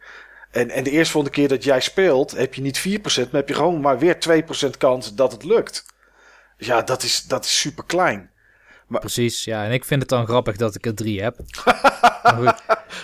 ik kan ze ook niet geven. Ik wou net zeggen, je kon, er niet, je kon niet eentje weggeven.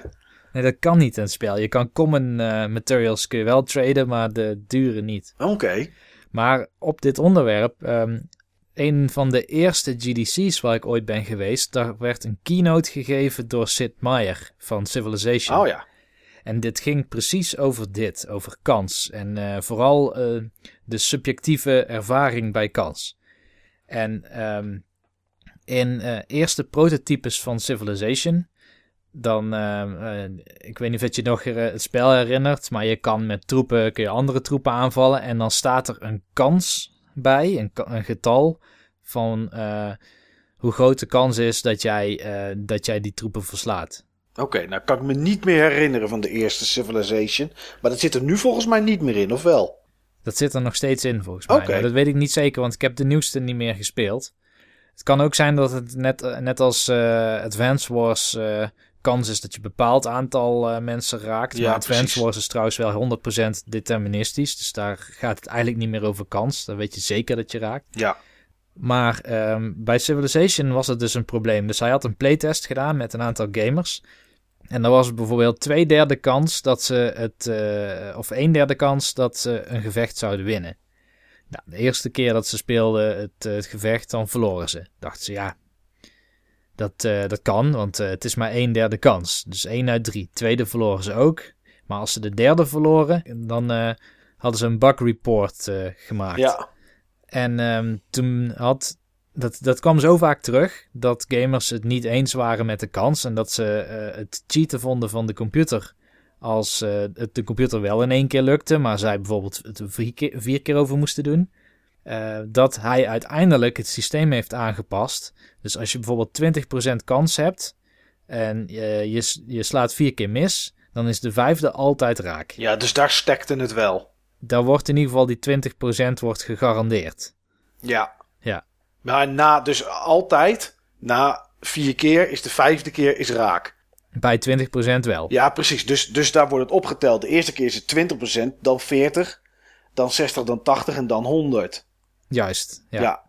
ja. dat zou in principe, zou dat, als je dat overal op zou toepassen, zou dat denk ik verslaving wel tegen kunnen gaan.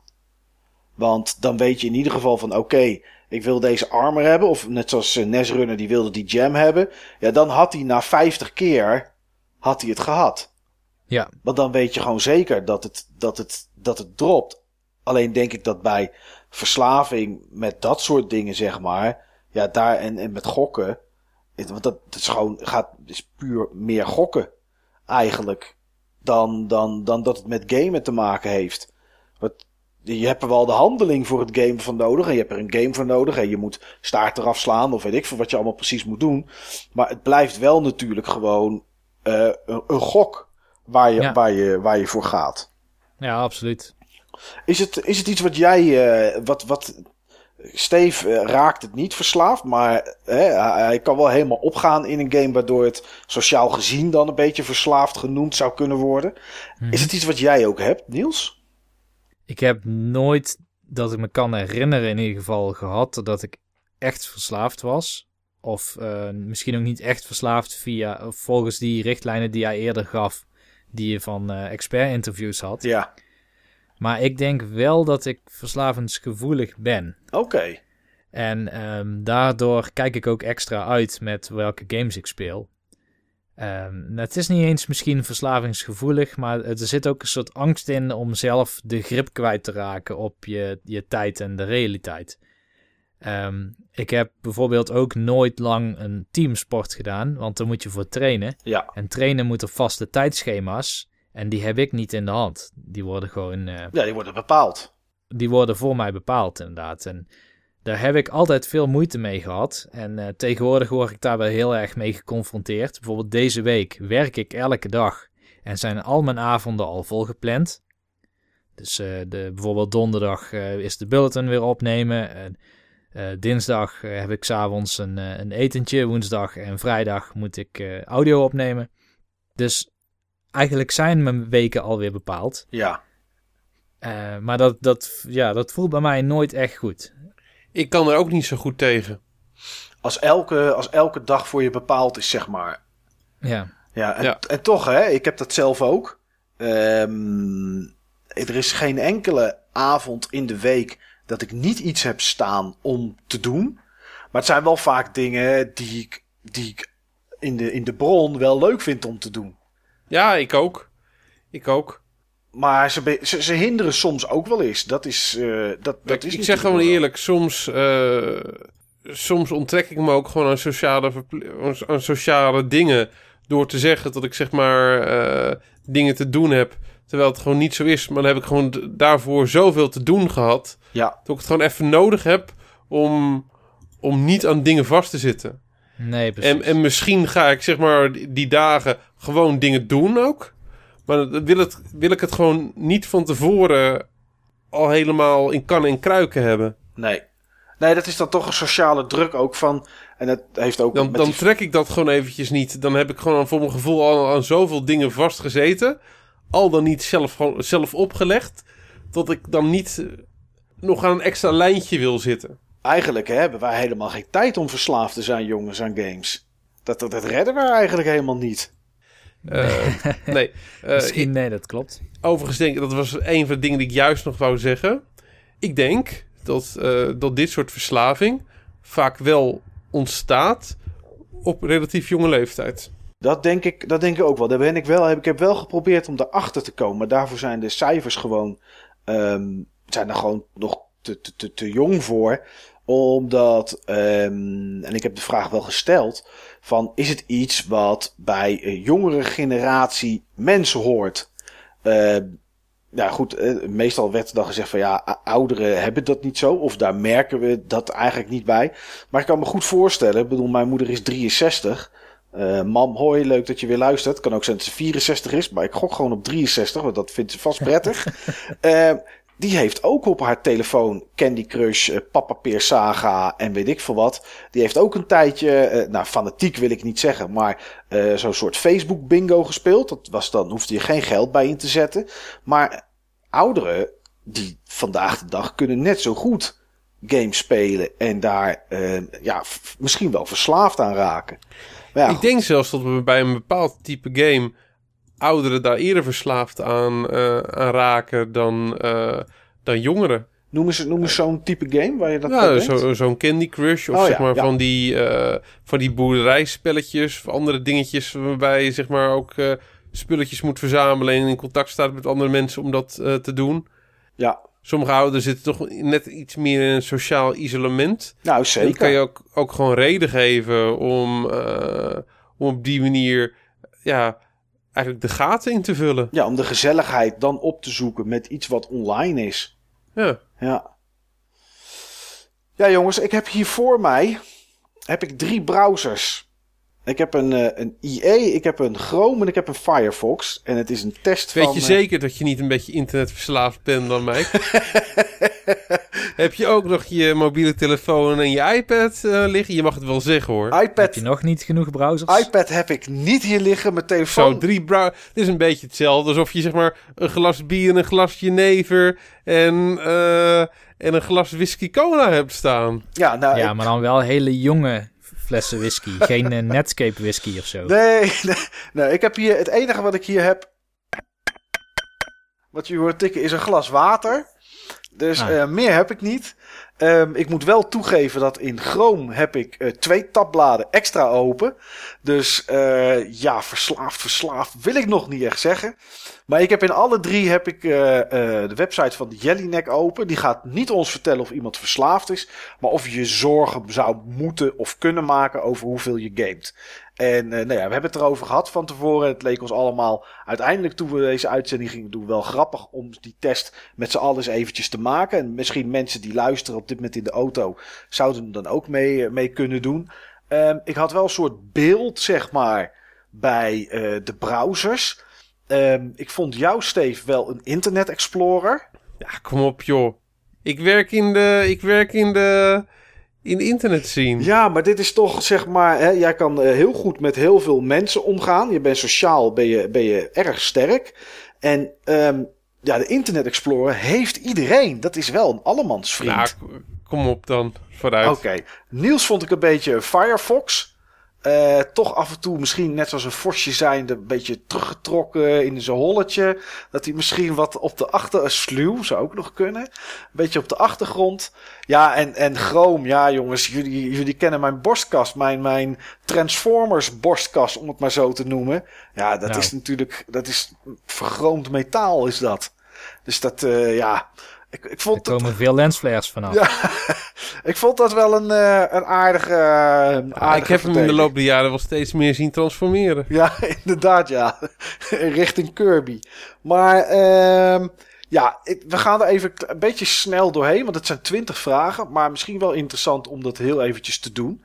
Ehm, ik noem de vraag. Steve, als jij dan het eerste antwoord wil geven, daarna Niels en daarna ik, dan kan ik de volgorde van de browsers ook nog aanhouden. De eerste vraag is: hoe vaak ben je langer aan het gamen dan je van plan was? Is dat nooit, zelden, af en toe, regelmatig, vaak of altijd? Regelmatig. Regelmatig. Niels? Ehm, ik denk af en toe. Voor mij is dat ook af en toe. Hoe De vaak, belangrijkste reden dat het regelmatig is, omdat ik tegenwoordig al vanuit ga dat ik gewoon vijf uur lang ga spelen. hoe vaak verwaarloos je voorgenomen huishoudelijke karweitjes om maar langer te kunnen gamen? Het zijn elke keer dezelfde, dezelfde antwoorden. Nooit, zelden, af en toe, regelmatig, vaak of altijd. Af en toe. Af en toe. Niels? Ik stel wel eens dingen uit waarvan ik weet dat ik ze eigenlijk zo, zo snel mogelijk zou moeten doen. Dus ik ga, ik ga ook voor af en toe. Oké. Ehm, Voor mij is dat hetzelfde. Oké, eh, hoe vaak verwaar ik eh, zet het op nooit. Omdat als ik huishoudelijke klusjes moet doen, doe ik ze eerst. En dan pas daarna ga ik, ga ik gamen.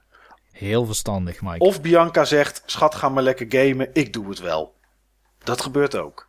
Hoe vaak kies je voor gamen in plaats van uitgaan met anderen, Steve? Zelden. Zelden. Niels? Eh, zelden. Oké. Eh, ik zelf zet hem wederom op nooit, want ja, ik ga eigenlijk nooit uit. En als ik uitga, dan is het naar de bioscoop of, eh, of naar een feest of iets. Ja, dan, dan gaat dat toch altijd eigenlijk wel door. Hoe vaak kost gamen je nachtrust, Steve? Nooit, zelden, af en toe, regelmatig, vaak of altijd? Twijfel tussen af en toe of regelmatig af en toe. Oké. Niels? Af en, af en toe, ja. Ja. Ik denk in mijn geval nooit. Oké. En ik zet hem zelf op regelmatig. Eh, Je slaapt,zel- je slaapt altijd heel kort, eh, Niels. Dat Ja. ook. En eh, kijk, het kan zijn dat ik misschien door de felheid van het scherm eh, van de Vita bijvoorbeeld, dat ik daardoor wat langer wakker lig. Maar ik blijf niet doorgamen. Ik weet wel dat ik mijn slaap wil pakken op een gegeven moment en dan stop ik ook. Oké. Daarom zeg ik nooit. Oké. Nee, ik heb dan toch Maar- wel op een Slaap jij 7 tot 8 uur, eh, Niels? Nee, minder. Vijf of zes, zoiets. Ik, ik- sorry hoor, maar je kan echt niet zeggen dat je geen slaap kost. Ja, er zit wel iets in. Je kan echt niet zeggen dat je geen slaap Nou ja, kost. de vraag is, op, op de dagen, Niels, dat jij niet gamet, ja. zeg maar, en die zullen er vast wel eens tussen zitten, pak je dan dezelfde hoeveelheid slaap. ja, dan pak ik meestal zeven uur. Oké. Dus moet ik nou op back gaan drukken en op af en toe? Nou ja, je kan eh, slaap bufferen of inhalen. Nou, ja. En ik, Er zijn meningen over verdeeld. Ja, ik, ik merk aan mezelf, maar ik ben iets ouder, zeg ik er ook gelijk, zeg ik er ook gelijk bij. Als ik een keer, en ik, daarvoor heb ik hem ook op regelmatig staan, want als we straks klaar zijn met opnemen, al is het half één of één uur, dat wordt het niet, dan ga ik naar beneden, moet ik eigenlijk naar bed, ga ik toch zeker nog een half uur tot drie kwartier Hearthstone doen, om gewoon nog even iets anders op mijn netvlies te hebben. En als ik in bed lig, dan ga ik ook niet gelijk slapen, en dan ga ik toch nog wel Picross of iets spelen, even op mijn telefoon. Dus ik heb hem toch echt bij mij op regelmatig gezet daarom. Oké. Ja, ik moet hier toelichten. Ik game eh, door de week, dus als ik moet werken, nooit na 12 uur. Nooit. Oké. Nou ja, goed. Eh, ik laat Ja, hem... maar hoe, hoe lang vroeg ga je ook weer op, eh, Niels? Om eh, kwart over zes. Oké. Ja, het is, het is een schimmige. Want je, je zegt net zelf wel... Ja, ik wil je geen verslaving aanpraten, Niels. Maar je Mhm. zegt net zelf wel... Als ik niet game, dan pak je meer uren slaap. Ik, denk, ik vind persoonlijk dat je daarmee zelf het antwoord hebt gegeven. Nou ja, ik weet, ik, ik weet het niet. Kijk, ik nam vroeger best wel veel slaap, acht of negen uur. Ja. En dat heb ik bewust teruggetraind naar vijf of zes uur. Dat was een keuze. Dat is niet eh, ten koste van dingen of zo. Ik blijf ook altijd wakker tot eh 11 uur of, eh, of half twaalf, al ben ik heel erg moe. Blij, joh, joh, en dan eh, ga ik niet gamen. Laten we er niet te verder over doorgaan. Maar dit is precies wat ik bedoelde met van dat het, echt, het slaaptekort wordt echt, echt heel, heel erg onderschat. En dingen als terugtrainen, dat kan niet. Nou goed, Niels. Maar joh, dat, daar laten hoeven we het voor de rest niet over te hebben, Niels. Dat is gewoon een keuze die iedereen voor zich moet maken. En die ik ook volledig snap. Maar eh, dat geldt voor mezelf net zo goed hoor. Maar je zou, je zou gewoon eens een, eh, een maand lang 7 tot 8 uur moeten slapen, structureel. En daarvoor en daarna een aantal tests laten doen. Dan zou je nog schrikken van het resultaat. En dat geldt voor mij ook hoor. Oké. Nou, laten we hem op dit moment op nooit staan. Ja, zet hem dan maar op zelden of zo. Zelden, oké. Mij maakt het niet uit. Dit is wel de laatste keer trouwens dat ik terug kan met een vraag. Eventjes voor tussendoor. Ja. Eh, hoe, vaak, hoe vaak klagen anderen over de hoeveelheid tijd die je aan gamen besteedt? Nooit, zelden, af en toe regelmatig, vaak of altijd, Steve? Nooit. Nooit. Niels? Nooit. Nee, bij mij eh, ook nooit. Ik heb nooit iemand die daarover over over klaagt eigenlijk. Hoe vaak leidt je school of studie aan de ho- hoeveelheid tijd die je aan gamen besteedt? Eh, er komen straks Werk, ook nog... werk valt er ook van onder? Nee, daar komen straks nog dingen van werk. Dus stel dat je een losse studie daarnaast zou hebben of wat dan ook. Ja, dan zou het nog nuttig zijn. Anders ja, nooit. kan je hem op nooit. Niels? Ja, ik zou zeggen, ik zou willen zeggen nooit, maar ik kan me herinneren van vroeger dat ik eh, Metroid Prime tijdens eh, mijn eh, eindexamen aan het spelen was. En eh 9 hours, 9 persons, 9 doors tijdens mijn PhD-onderzoek. Oké. Het staartje ervan. Zet hem dan op zelden. Zet hem maar op. eh, Ja, maar je studeert, maar dat was toen hè? dat was toen inderdaad. Als het Dat nu was is, dan gooi je hem op nooit. Nooit. Nee, we krijgen werk nog, hè? Ja, werk komt nog. Hoe vaak verdring je een vervelende gedachte door over gamen te fantaseren, Steve? Nooit. Oké. Niels? Dat lukt me niet. Dus nooit. Oké. Nee, voor mij is het ook nooit. Want inderdaad, hetzelfde wat jij hebt, weet je, dat blijft toch in je onderbuik hangen. Je kan maar beter het vervelende oplossen en daarna relaxed gaan zitten gamen. Hoe vaak leidt je werk onder de hoeveelheid tijd die je aan gamen besteedt, Steve? Twijfel ik tussen nooit of af en toe. Het is nooit, zelden, af en toe. Dat is zeg maar de, de, de, de drie opties Oh, oh als ik twij- als ik, dan, dan is het makkelijk, dan is het zelden. zelden. Niels? Poh, ik ben nu bezig met eh, drie workshops in, voor te bereiden in Barcelona. En ik weet dat ik eh, eigenlijk, als ik ochtends en 's avonds na werktijd of voor werktijd daar tijd aan zou besteden, dat ik me dan daar heel ma- gemakkelijk mee eh, uit de voeten kan maken. Maar dat doe ik niet. Super Mario Maker, hè? Dan is het Super Mario Maker, ja. Ja.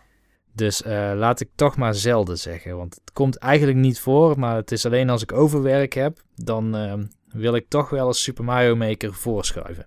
Oké. Ehm, ik zal heel eerlijk hem op regelmatig zetten. En dat eh, komt puur omdat eh, gamen voor mij ook schrijven is voor, voor, voor duimschroef.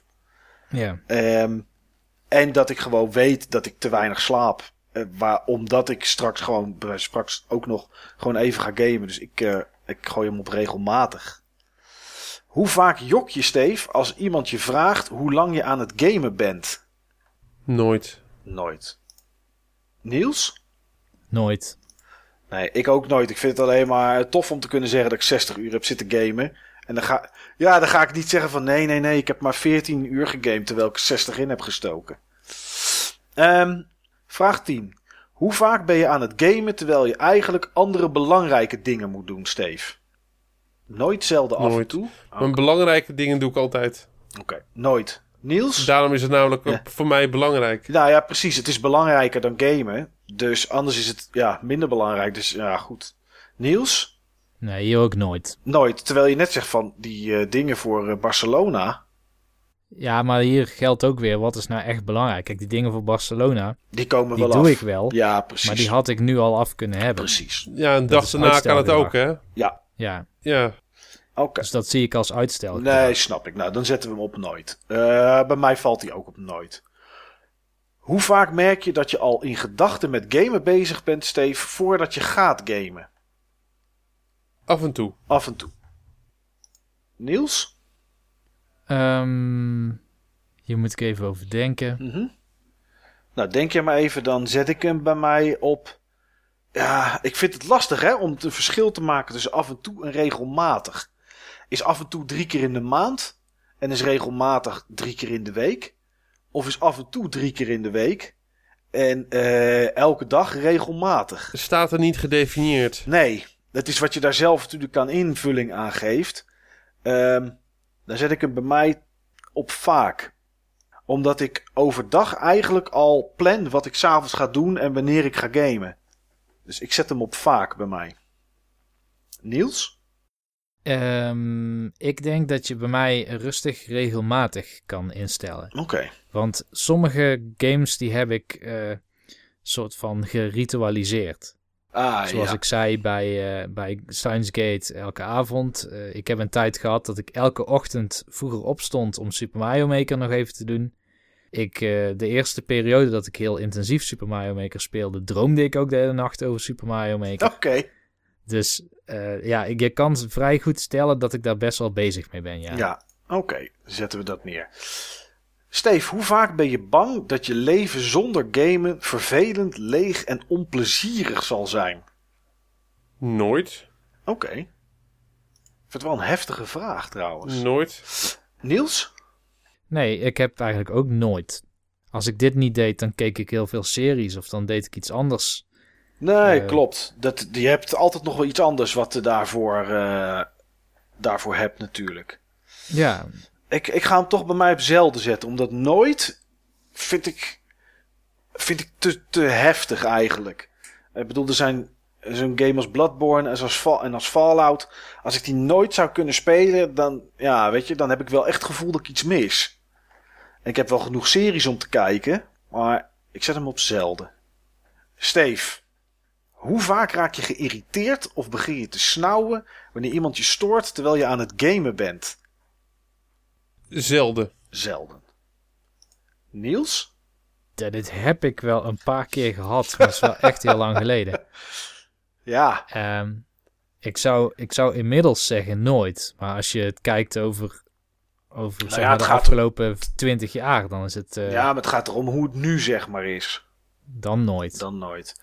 Ik Mijn zelf... moeder moet niet meer langskomen op ehm, de dag tot een expansion van Destiny uit is. Nee.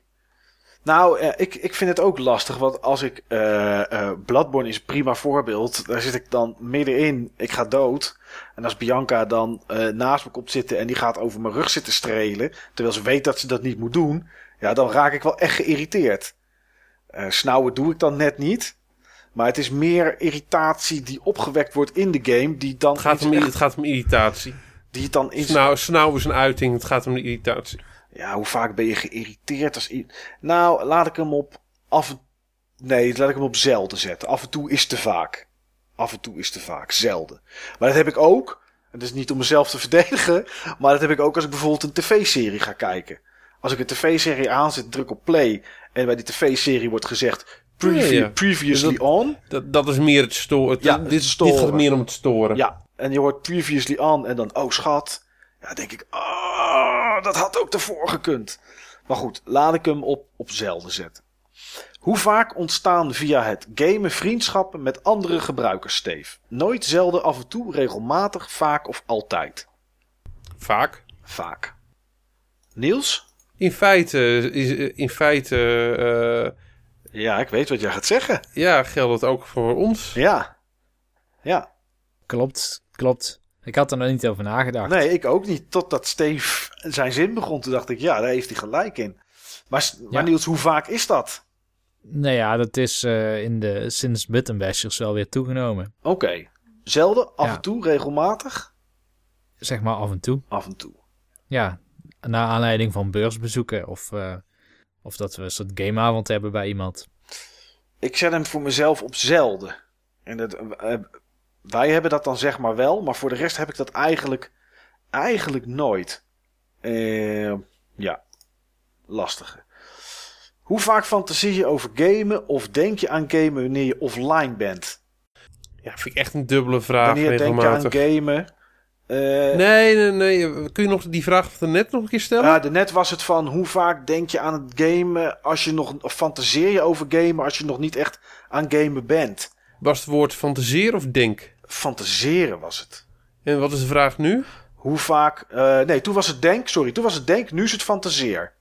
Ja, voor mij is dat een beetje hetzelfde, omdat, Nee, voor mij is dat niet, het, voor mij is dat niet hetzelfde. Voor mij is dat niet hetzelfde. waar zit de nuance in Eh, eh, volgens jou dan? Denken en fantaseren is... eh, eh, fantaseren is veel dromeriger, is veel langduriger, is veel dwaleriger dan gewoon e- eh, zeg maar eventjes een lijstje maken van de dingen die ik eh, doe in eh, die ik wil gaan doen in, eh, in- Ja, in, oké. Destiny. Om zeg maar, oké, als ik thuis ben ga ik de daily doen en dan ga ik Stan een sms'je sturen om dit en dat te doen. En dan hoop ik dat er zo ge- genoeg mensen eh, zijn om een raid eh, eh, mee te doen. Is anders dan zeg maar fantaseren over hoe de nieuwe raid zou kunnen zijn Ja, en mezelf erheen. nee, heb je dat is niet gelijk. hetzelfde. Dat is echt niet hetzelfde. Eh, in dit geval is het antwoord ook zelden. Zelden. Niels, Het antwoord is ook echt anders. hoe vaak fantaseer jij over gamen wanneer je offline bent? Ehm, ik denk dat ik hier eh, een deel van mijn vorige antwoord kan herhalen. Namelijk toen, eh, toen ik, ik, ik... Ik speel nog steeds heel erg veel Super Mario Maker, maar toen in het begin vooral... Dan lig je ook in bed en dan lig je nog te denken aan een soort layout die je wil gaan maken voor een level. Maar dat is misschien nog een klein beetje planmatig, wat Steven net aangaf. Ja. Maar ehm, ik kan me voorstellen, bijvoorbeeld bij, ehm, bij mensen die fan zijn van een IP en die heel veel eh, IP-beleving ondergaan, dat die dit heel sterk hebben. Ja. En ik had dat misschien wel met eh, Splatoon. Splatoon is gewoon één game, daar zitten karakters in. Maar eh, ik kon me vrij levendig voorstellen dat er ook andere games nog met die karakters gemaakt konden worden. En dat hield mij toch wel een tijd bezig ook. Oké. Is dat zelden of is dat... Vroeger had ik het ook veel meer toen ik, eh, toen ik jong was. Toen kon ik mezelf echt helemaal erin verliezen. Ja, inderdaad. Ja, als je dan een game had gespeeld. eh, bijvoorbeeld, Steven, jij hebt natuurlijk best wel liefde voor de Wonderboy-reeks in die tijd. Dat je dan inderdaad nadenkt van, oh, als er toch eens een Wonderboy zou kunnen waarin je kon vliegen. Of, Ja, dat eh, soort dingen inderdaad. Ja. Ja, Of toen kon ik echt gewoon... eh, eh, verliezen in mogelijke verhaallijnen voor een nieuwe Zelda of zo. Ja, ik hoopte dat die er zou komen. Ja, Toen- Maar dan, dan zit je fantasie ook heel anders in elkaar. Dan is je fantasie ook veel sterker. ja, ja, ja, zeker weten. Maar dan zet hem voor mij maar op Zelda, want ik heb het letterlijk maar bij twee games in de afgelopen 10, 15 jaar gehad. Oké. Eh, voor jou is het ook iets anders, hè, eh, eh, Niels. Voor jou is het ook gewoon je professie. Het is gewoon logisch van dat je zeg maar ook over je professie nadenkt. Ja.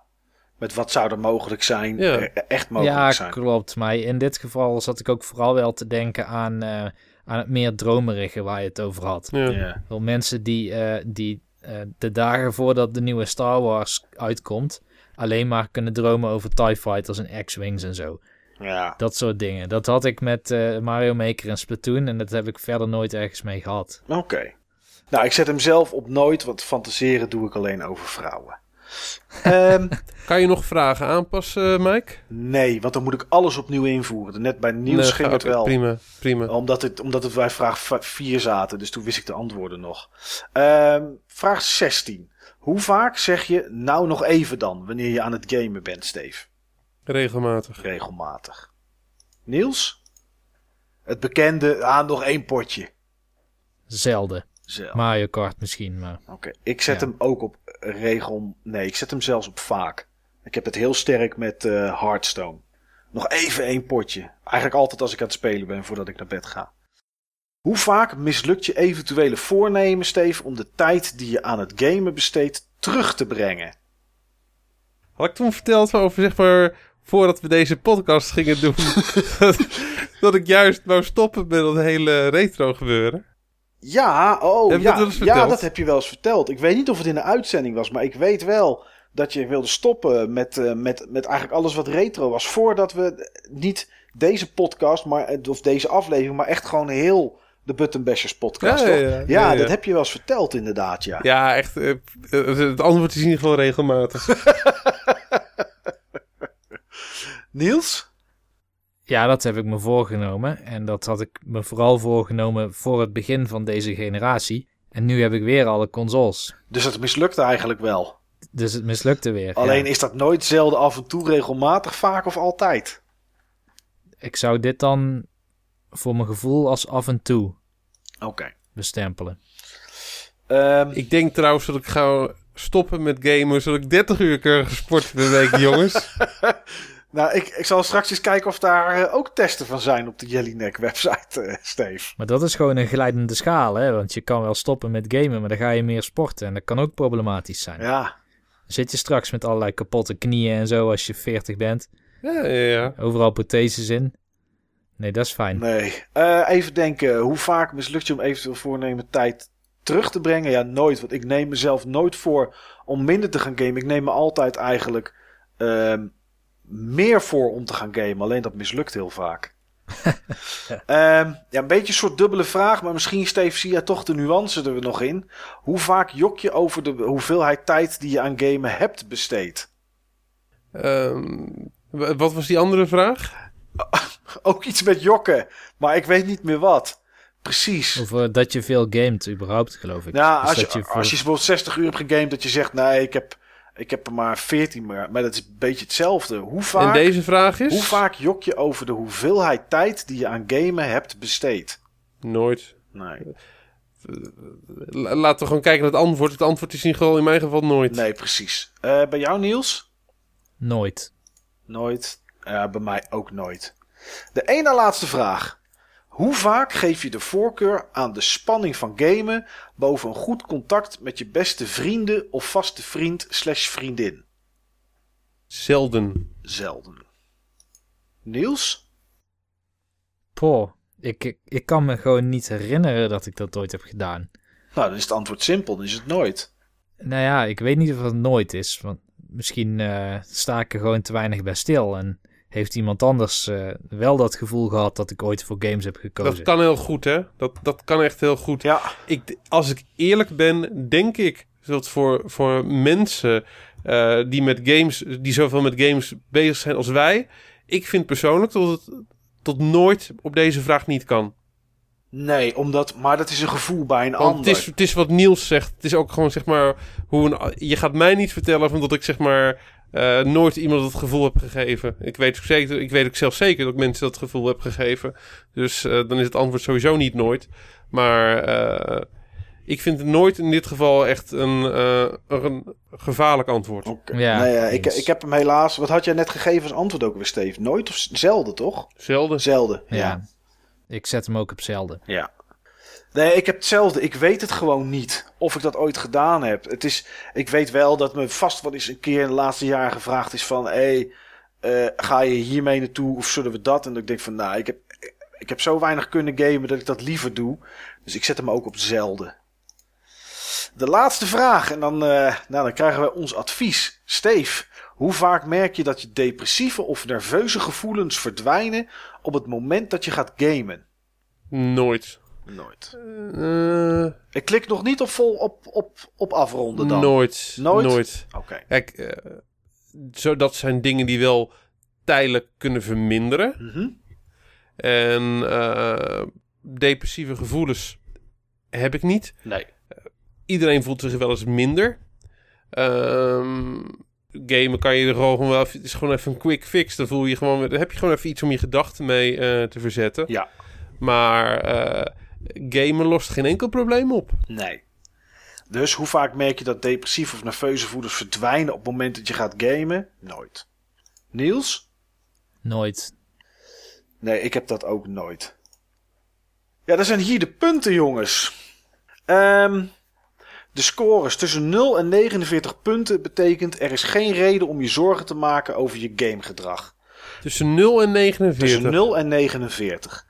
En wat zijn de schalen daarboven? Tussen de 50 en de 79 punten betekent, let op, probeer de Ja. risico's van te vaak gamen te verminderen. Ja. En heb je meer dan 79 punten, ja, dan moet je geloof ik je telefoonnummer invullen gelijk. Drie schalen. Dan is het, eh, je gamegedrag dreigt uit de hand te lopen. Neem de beslissing om minder te gamen. Ze zeggen nog niet dat je verslaafd bent, maar ik denk dat dat een tactisch, eh, een tactisch Ja. iets is. Ehm, Dat komt omdat ze niet kunnen zeggen, want dan moeten ze, dan Nee, moet, dat, dat ze- niet zeggen via een online zelftest. nee, via 20 dat vragen mogen ze dat... niet. eh, mogen ze niet. nee. Waar denk je dat je op uitgekomen bent, Steven? In welke schaal? Eerste categorie weet ik zeker. Niels? Ja, ik ook. Eerst. ik weet het voor jullie ook zeker, want dit, dat matcht gewoon met de antwoorden die we hadden. Ja. Daarvoor hoef ik niet eens, eh, zeg maar, eh, eh, een vol automatische tool te hebben die de, die de optelling do- doet. Nee. Nou, de, de, de, de, me- de minste punten, die zijn gescoord door Niels. Hoera. The story of my life. Minste punten. Niels, je hebt 17 punten gescoord.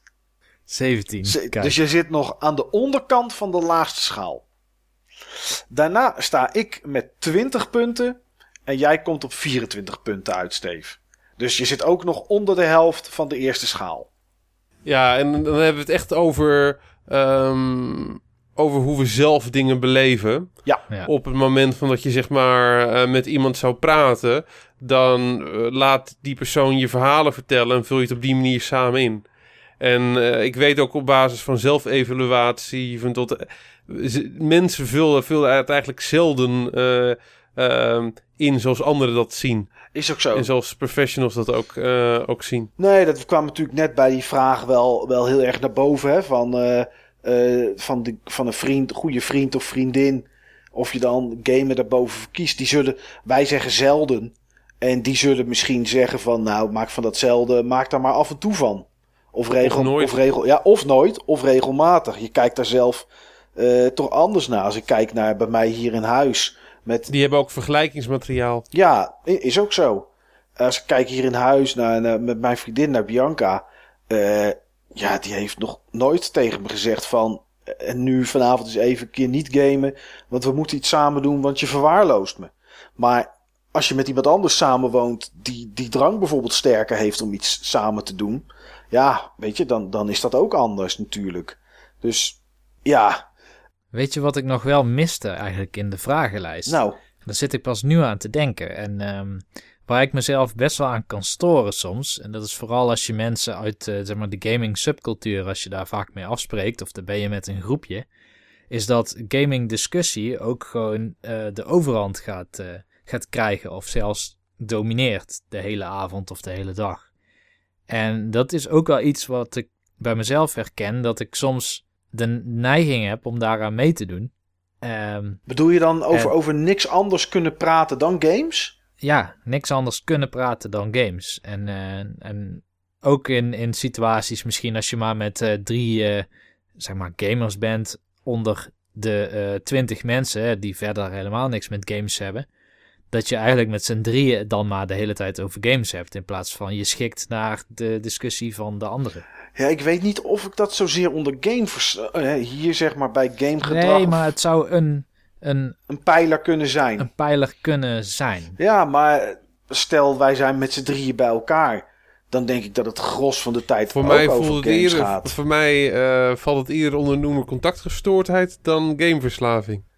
Ja, maar als, als wij met z'n drieën ergens zouden zijn... Hè, of, of net... Waarbij, de, waarbij het een daadwerkelijk het ander wel kan triggeren. Oh, zeker Ja. wel. Maar het is, het is ook wat, wat, wat ons drieën verbindt. Ja, bedoel- kijk, voor ons geval is het gewoon ook logisch. Maar we hebben het ook over andere dingen. We hebben het ook over serieuze dingen. Ja, dat is ook zo. Het is, het is begonnen met games. En Joh, laten we eerlijk zijn. Hoeveel, hoeveel gelul hebben we niet in die podcast wat niet over games gaat? ja, Als we genoeg. dat allemaal eens achter elkaar gingen zetten, hè? Kan je een mooie dag mee vullen. Nou, zeker weten. Dat, eh, er zijn menige soapseries die daar een puntje aan kunnen zuigen, hoor. Dat is wel zo. Nou goed, wel grappig om te zien als we er zelf naar kijken. Dat, eh, nee, dat, dat hebben we nu gedaan. En we hebben alles naar eer en geweten hebben we ingevuld. Dat het toch wel, eh, wel meevalt.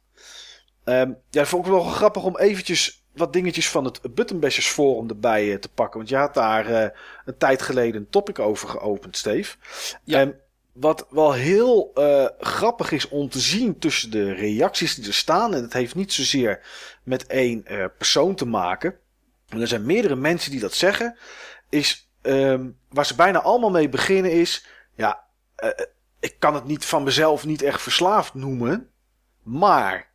En dat vond ik wel grappig, omdat mij door, door, door instanties verteld werd dat het toch wel een beetje onderkend was. En dan wil ik niet zeggen dat die mensen op het forum allemaal wel verslaafd zijn. Maar bijna iedereen zegt van zichzelf dat hij eigenlijk, ja, eigenlijk niet verslaafd was. Als je. ehm, Ik durf ook wel te zeggen dat het klopt.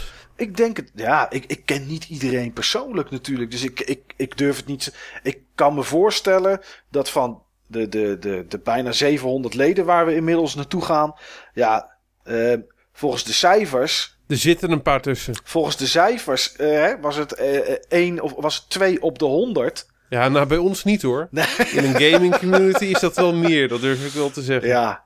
Nou ja, bijvoorbeeld eh, Heather Grace die zegt, eh geeft wel eerlijk toe dat ze bijvoorbeeld wel eens afspraken met vrienden niet gemaakt heeft eh, om niet te gamen.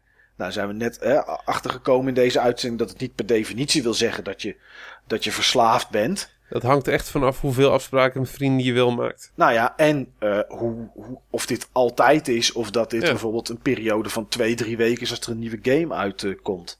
Ja, kijk, tot, tot ik dat soort dingen af en toe een keer, eh, keer doe, omdat ik zeg maar per week eh, drie dingen met vrienden doe. En daar eens een keer geen zin in heb. Of als je zeg maar vooral aan het gamen bent. En er komt dus een keer een vriend langs om je eruit te trekken. En als je dan nog, als je dan nog eh, zegt, dat, dat is een groot verschil. Daar zit een verschil tussen. Dat is echt een groot verschil. En al zouden die drie afspraken. of die, als je eh, überhaupt gewoon amper vrienden hebt, omdat je altijd aan het gamen bent. Ja, maar dan kan je ze daarin maken natuurlijk. Maar, kun je ze daarin eh, maken, maar dat is nog steeds niet hetzelfde. Maar ook al zou het geen drie afspraken met vrienden zijn in de week, Steve. Eh, als ik kijk naar, nu heb ik op maandag met jullie podcast opnemen. Morgenavond heb ik wat verplichtingen voor Duimschroef. Eh, woensdagavond heb ik dat toevallig een keer eh, niks. Donderdagavond is het of Baby Bulletin opnemen of eh, sowieso eten. Ik één keer in de week bij mijn ouders of komen hun hierheen. En op de vrijdag moet ik één keer in de twee weken altijd mijn dochter halen. Dus eigenlijk heb ik elke avond, en er zijn nog wel meer kleine verplichtingen. Eh, zijn dit eigenlijk wel de grote dingen die eigenlijk de hele week wel domineren. Ja goed, als mij dan een keer gevraagd wordt... hey, eh, zondag eh, ga je mee hierheen of wat dan ook. Ja, dan heb ik ook wel eens dat ik zeg van... ja, deze week even niet joh, ik wil even gewoon een weekend rust. Voor mij voelt dat gewoon. Voor mij valt het onder noemer tijd voor zelf creëren. Ja, zeker weten. Uh, Boomstronk van het Forum heeft ook een hoop tijd voor zichzelf gecreëerd. Want die vergooide zijn HAVO door te veel te gamen. Ja, ja, ik, ken Boomstronk verder rest niet goed genoeg om te zeggen... die was in die periode wel verslaafd. Maar het, het, het neigt er wel een na- beetje naar. nadelig, eh, nadelig gedrag. Ja. Ja, en Gallius zegt, net zoals Piers dat zegt, dat ze wel een hele tijd, zoals ze het zelf noemen, verslaafd zijn geweest aan World of Warcraft. Eh Gallius zegt, ja, ik speelde het van een half uur tot een paar uur per dag. Nou ja, goed, dan nog, als je je werk er niet onder leidt, je, je relatie, je sociale contacten en dat soort dingen blijven allemaal redelijk in stand. Ja, goed, dan spreken we het misschien over de, over, over de, de verslaafdheid, zoals we dat eh, in het sociale vlak dan noemen.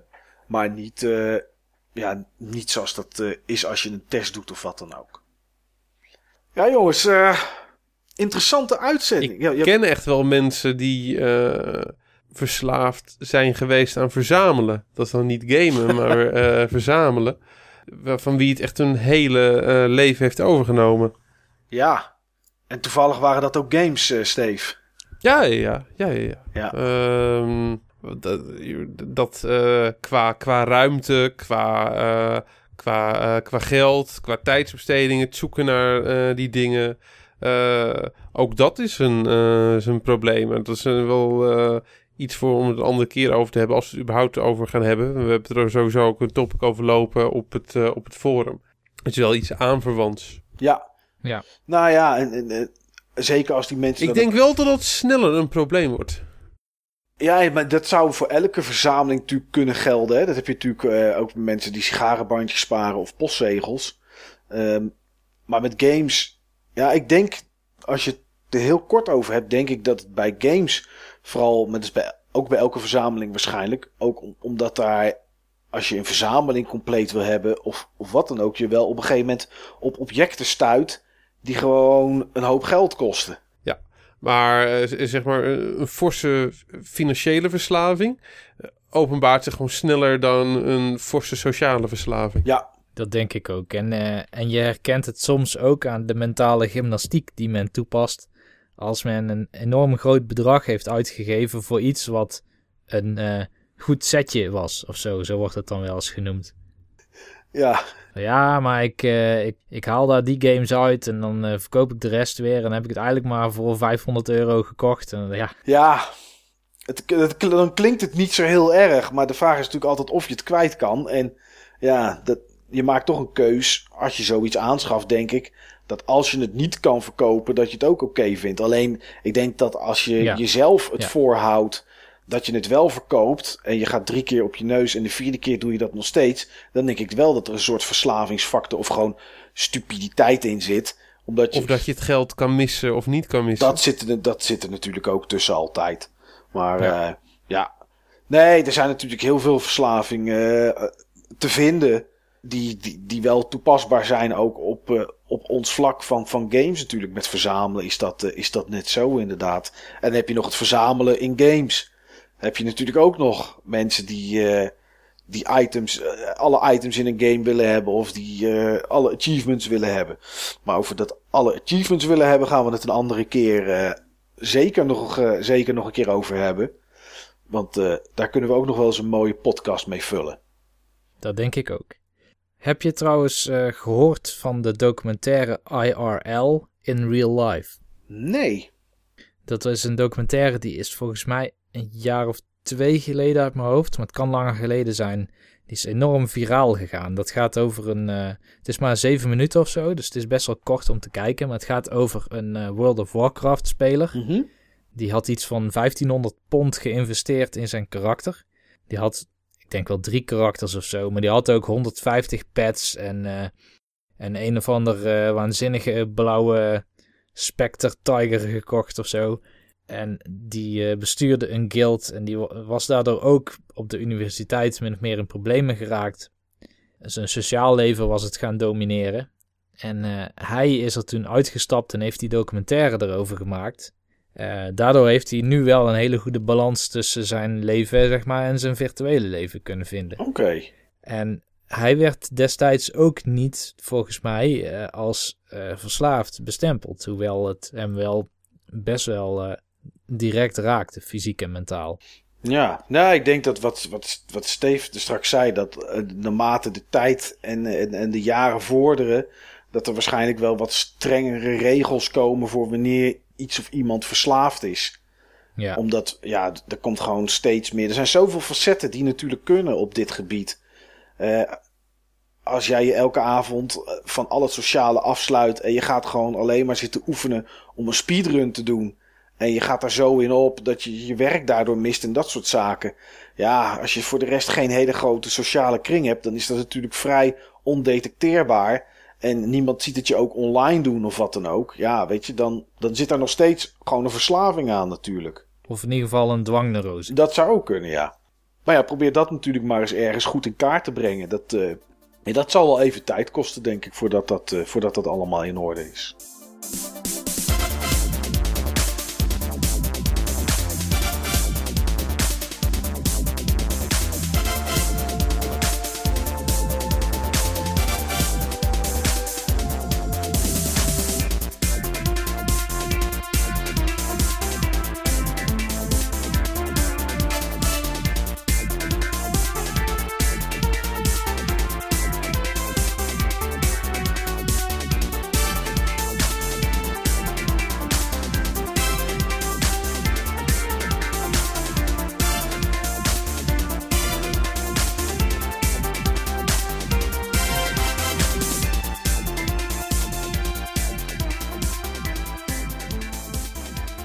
Ja, jongens, een, eh, ja, een, een, apart onderwerp. Wel een zwaar onderwerp. Ook wel eh, ja, mooi, ja, mooi wil ik niet zeggen, maar wel een openhartig verhaal. Ook Steef van jou eh, daarin.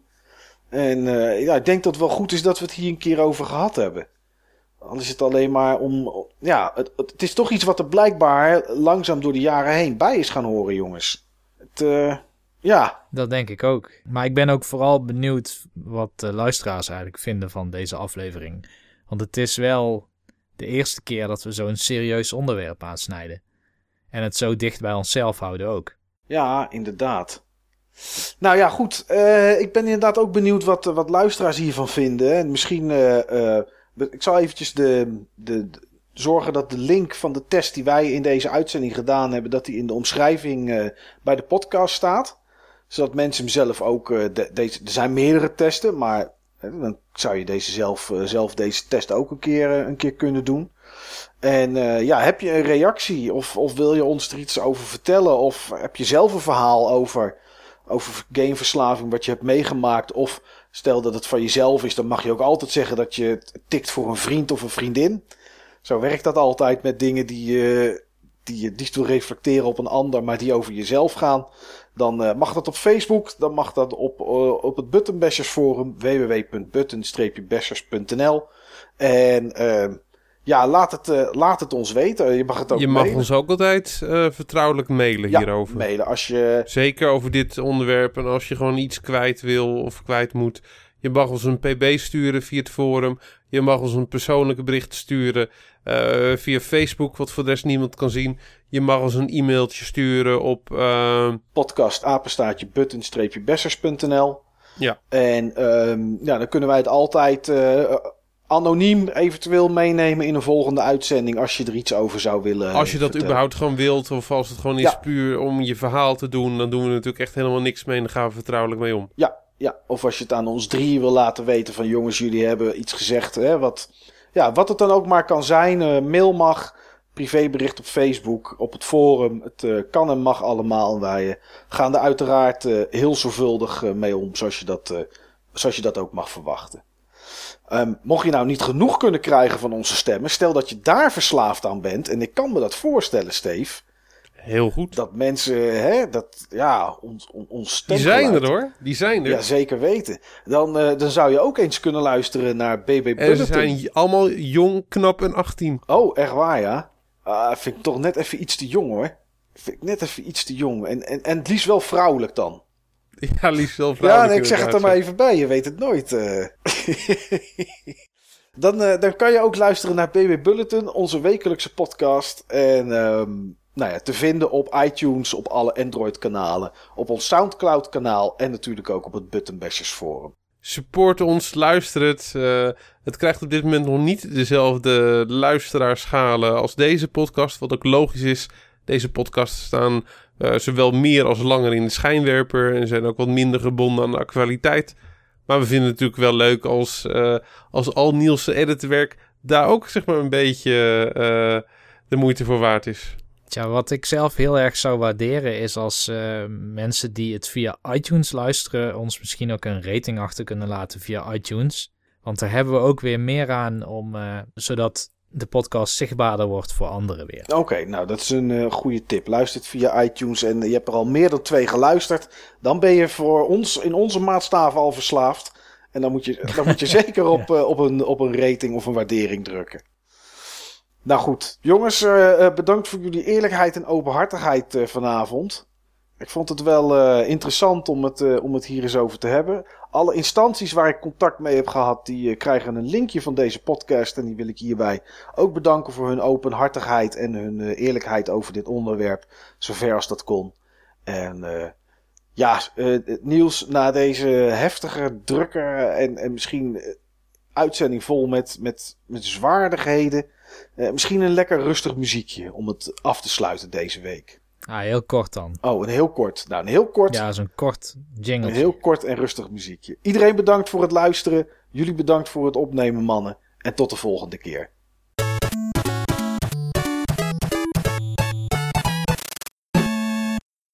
En Hamlet dan. Of kwam Hamlet niet uit Engeland? Nou ja. Maar nee, Tolkien zei... eh, Hamlet is een eh, fictief karakter van Shakespeare, Mike. oh, ik bedoelde ook Shakespeare. Nou ja, ah, boeken zijn niks. Daar kom je wel een beetje dom over hoor. Ja, ja, ik bedoelde ook wel hem. Die, maar ik bedoelde die schrijver Nee, van. bedoel je hem of Hamlet? Nee.